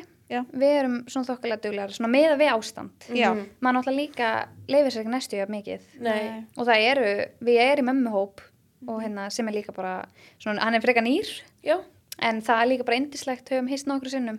Og það var einmitt mjög gaman að heyra bara aðra reynslur. Algjörlega. Þú veist, þú sjá ólík börn og þau eru svo krútlega saman. Já, já, já. fullt af alla og öll að horfa hvort annað og svo hissa. Ó, já, þetta er svo sætt. þannig að hérna Ég ætla hann að elska að vera með móp. já, Bara elska að brjóta upp vikuna mína. Einmitt. Að gera eitthvað að hafa eitthvað annan einmitt. sem er í þessu bakka að hittast. já, það er um ég fyrir marga erfiðasta við ástandi núna að, að geta ekki verið í Já. svona hópum já, Já. einangrast já, þú veist, út af því að það er líka annað að hitta þá sem er í sömu stöðu Já. eða bara vinina sem eru alls ekki á sama stað þú veist, ég oft þarftu bara að tala um eitthvað sem að bara þeir sem eiga börn tengja við Já. og gott þegar það er einhver sem tengir akkurat núna Já, akkurat. þótt að allir eru stútfullar reynsli kringum hann að tala við einhvern sem er að gangi gegnum nákvæmlega sama eða svona að svipa Og líka stundu þarf maður ekkert alltaf ráð. Stundu Nei. þarf maður bara pústa pústa við Já. eitthvað sem nennir að hlusta á mann. Einmitt, það er alveg rétt. Ég veit í hversu oft ég hef ringt bara einmitt í þær og bara láta allt flakka. já, bara aðeins að randa Já. Svo bara, já, já, allavega. Áfrangak. En Já. hérna, þið nefndu hann eða skýrðu hann? Ég, við erum ekki búin að skýra, en búin Nei. að bóka prestþrísvar. Já. já, já. já. Það var ekkert orðið að því, en þannig að við sögum nafni bara þegar hann var einsmána. Við Já. hugsaum bara, við veitum ekkert hvernig að vera skýrt Já, og okkur, við varum löng búin að ákveða nafni. Þannig að við ákveðum bara að tilkynna. Hvernig gerðu það? Sko, mamma mín fekk svona stafarugl þegar hún var í heimsók Já. og okkur fannst hún alveg með að vita fyrst, svona fyrst hún var Já. viðstödd og svo Svo bara ringdu við í flesta. já, Já, og eða sendum á Snapchat eða eitthvað. Mm. Og svo settum við bara Instagram post Já. með nafninu. Já. Þá vorum við alveg tilbúin og opið búin að halda það í nógu lengi fyrir okkur. Er samt ekki núna bara, uh, nennir ekki, nenni ekki að skýra. Nei, maður fer alveg að gefast já. upp, sko. Ég var búin núna fyrir fyrsta apríl, Já. þá var ég svo vissum að það myndi ganga, ég er búin að láta merkja kertið og Já, fyrsti apríl, já, já. Fólk er hægt nefnilega að setja dagsinningu Já. á fermingar og... Það er nefnilega sniðt, sko. Þannig að það kemur bara ljós hvort það verði eða ekki, hann, hann fer allavega Já. En það kemur bara ljós. bara mátið hann að taka mynd Og nú er bara að krossa putta. Já. Hann er kannski svona út í júni, svo verður hann örglega stór. Æ, Þessi litla, litli bolla því mín. svo finnum bara að vera einsás. Já, Bara í ákvæmst. hann verður fann að hlaupa um í skýrninu sinni bara, ekki, skvætta vatn á mig. bara fann að tala. Mamma sagði, hann segi þau prestin bara, hvað það gera? Ekki skvætta vatn á mig. Ég bara, já, þetta verður örglega hann við, með að hann sko. skýrist og fermist á sama tíma Já. Já, eða það. Hvað, maður veit ekki neitt. Nei. Hei. Þannig að það kemur ljós. Og Hvernig það fer. Já. En já, þannig að þetta er bara, fóröldarhutverki er rússipanni, en þegar uppi staði er þetta náttúrulega bara endalus ást. Og ást Já. bara sem er bara ólýsanleg. ólýsanleg og óendanleg Já, og Já. endalega. Og ekst bara, þú veist, með hverjum deginu. Finnst Það, er ekki? alveg satt, jú. Já. Þegar koma ný hljóð og svo fara að koma mamma, mamma, þá er maður bara, Já. hann er að segja mamma, Já. hann er að segja mamma. Og þau vilja fara að knúsa mann og vilja koma til mann. Það er bara, og það er eitthvað, eitthvað nýtt á hverjum degi sem þýðir að með því fylgir meira ást og meiri og meiri, hann að allar þessar klesur eru svo innilega sannar. ég veit það það Maður kemst við að því. það. Ó. Maður kemst alveg að því, sko, allt sem maður heyrir er svo satt. ó já ég spyrja, já. hvernig fækstu ringin? Hvernig eða hvenar? Hvernig og hvenar? Heyrðu, ég fekk hann e, 2019, Já. á sama og ég ólétt, Já. í september. Ég var ótrúlega satt stödd í Grand Canyon í Las Vegas. Ólala, Oh það my er bara God. grand á því, sko. Já, kærast minn vann sem sagt í gegnum Coolbet sem er svona verðmála að síða Já. vann, Já, ég veit hvað. vann hérna Las Vegas ferð fyrir tvo Það grínast. og innifæli því meðal annars var hérna þyrluflug yfir Grand Canyon með stoppi, kampaðin stoppi þar onni. nei Jú, oh my bara god eitthvað magnaðasta sem hefur gerst fyrir okkur er þessi vinningur, eða fyrir hann, ég fekk bara fylgifiskur Já. já og svo hérna í þessu þyrlustoppu og í Grand Canyon og þá bara poppaði minn maður spurningunni. Fór á skelljarnar já, Bráðir ekki. jú, ég var svo hissa og það var svo heitt og ég gæti ekki grátið því ég bara þotnaði frekar upp heldur en að geta grátið. Þú veist, það voru örugglega 40 gráður og ég var bara bara ekkert vatn í munninum og hann var stressaði líka og en þetta var bara svo indislegt og óvænt og bara Þetta var svo bíómynd. Já, þetta var það og bara, einmitt við eigum bara alveg ómetilega myndir út af Ó. hann plataði einhvern veginn að taka myndir Já. og eigum myndbanda af þessu líka og þú veist, staðsetningin var náttúrulega bara Rugglu. Verður ekki fallegri? Nei, þannig að hann, hann nýtti tækifærið auðvitað. svo voru bara hann bara fimmstjörna hótel og hann búin að hafa Elton John tónleika og þetta bara, Oh já, God. Má svona baby moon eða svona pre-baby moon Já. já. fullkoma að fara þá til Las Vegas. Já. Já. Því ég veit ekki alveg hvernig það fyrir næst. Nei, þetta er Þannig geggja að, já, þannig að Kannski það var... Ég gæti verið að rifja upp gamla minningar. Já, já. Þá þarf hann helst að vinna einhvern svona annan leik. Já. Og svo getum við farið í að flotta ferð. Segja maður er duglegur að betta. Já, heyrðu, getur við hérna drifið meira í þessu? Nei, við hefum aldrei getið farið í svona flotta ferð, bara námsmenn í Álaborg bara, Nei, einmitt. en það voru allir bara, ég trúi þess ekki fyrir þið farið. Svo fórum við Já, og það var bara allt, þeir stóðu bara allt og þetta var bara geggjuferð. Geðu Þannig að þaðan kom ringurinn. Oh my Já. Very impressive. Já, Já, Bara strákar, ef þeir eru að hlusta, take notes. Já, Reyna að vinna ferð núna. Já. Einhvern flottasta. geggja Já. En hvern, hvað er planin núna, næstunni? Það er bara, við ætlum að fara aftur út til Danmörkur í sumar. Ég ætla, við ætlum bæði að byrja aftur í master. Hann byrjar Já. aftur og ég byrja því ég er í fæðingarólofi. Og svo bara sjá hvert lífi leiðir okkur.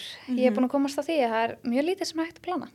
Já, Fyrir er plan fríki mig þá var mjög erfitt að sleppa þeim tökum en Mhm, ég er búin að sætta mig við það núna að maður svolítið bara þarf að go with flow mhm. og bara sjá hvað setur. En það er allavega, við ætlum að byrja nýtt upphaf bara í já, já. já. í júli og hérna, Æ, er það að fara þegar akkurat sumar já, Oh. við ætlum að reyna að nýta okkur það og vera í smá fríi saman. Já. Já. Hann alltaf tekst bara sumarfrí í vinnunni og Mhm. ég er þannig að klára síðasta mánuðin í orlofi í júli, eða svona formlegu. Já. Lukas byrja vonandi á leikskóla í ágúst. Þú ert búin að sækja um Já, en við erum bara býð svarið. En byrju, er þetta, já, byrjar leikskóla er þetta ekki svona dagmömmu Hann fyrir svona kerfi? vöggustofu, svona Já. útbarna leikskóla í raun Já, og veru. svona vöggustofu Byrjar þar og fyrir svo í leikskóla. Já, Hann bara krossa putta en komist inn. já En við sjáum bara, ég, Já, er bara góð bara, ég Já, neitt, já. ég ætla bara að vinna úr því sem verður. Já, það það er verður aðeinslegt líka fyrir ykkur að komast út í hitan með Já, hann og það verður mjög kærkomi og vera bara, því hann vinnur mjög mikið, hann er út á sjó, þannig að við Já. erum ekkert allt og mikið saman. Mm. Þannig að það verður bara, og eftir þennan tíma með, óvænta tíma með fjölskyldun í Íslandi, bara, það hefnaðist þetta bara allt mjög vel að lóka. Já. Þetta er bara, með aðstæður þá bara var þetta, gæti þetta ekki orðið betra. Já öllum líður vel. Já, Og allt er gott sem endar vel. Allt er Já. gott sem enda vel, Já. það á alveg bara virkilega við Já. þessa, þessa löngu sögu. Já, Það er þemasetning þáttarins. Já, allt er gott sem enda vel. og er þetta ekki bara að koma hjá okkur? Jú, ég myndi nú alveg segja það. Já, bara takk fyrir að Já, koma. ég er bara Já. amazed Bara takk fyrir að fá Vá. mig. Vonandi bara, Vá, Þetta var bara algjör snill. já, vonandi getur þetta náð til einhvers. já, Að vita bara. Og maður sé maður líka er bara ótrúlega flott hjá þér að opna einmitt á hvað fóröldarhlutverkið er erfitt í byrjun. Já, Mér finnst bara, þú máttur mjög stolt að. Mér finnst það mitt bara, mér langar ótrúlega, ekki beint að miðla eitthvað áfram, en bara þannig að ef einhver er í þessari stöðu sem ég var í, að vita bara, ó, ok, það, ég er ekki einn.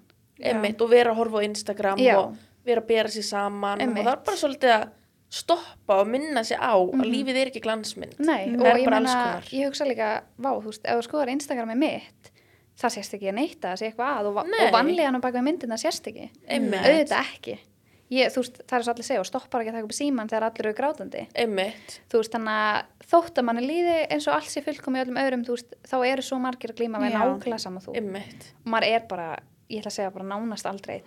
Nei Þannig að þess vegna langar mér um bara að vera opinn því að ég hefði alveg verið til að heyra Já, líka á þeim tíma sem við vorum að díla við þetta. algjörlega. og sömu leiðis kærasti minn mm -hmm, hann segir já. það saman, bara hann hefði alveg verið til að heyra þetta. Já, því honum fannst hann líka einn og mér fannst ég einn og Já. já, þú veist, maður gleymir svo oft þannig að ég held að það sé líka bara mikilvægt að þetta getur verið indislegt Mhm. það getur líka verið erfitt, það er allur gangur á þessu eins og Já. með allt annað í lífinu Algjörlega. já, bara, Þangað til næst. já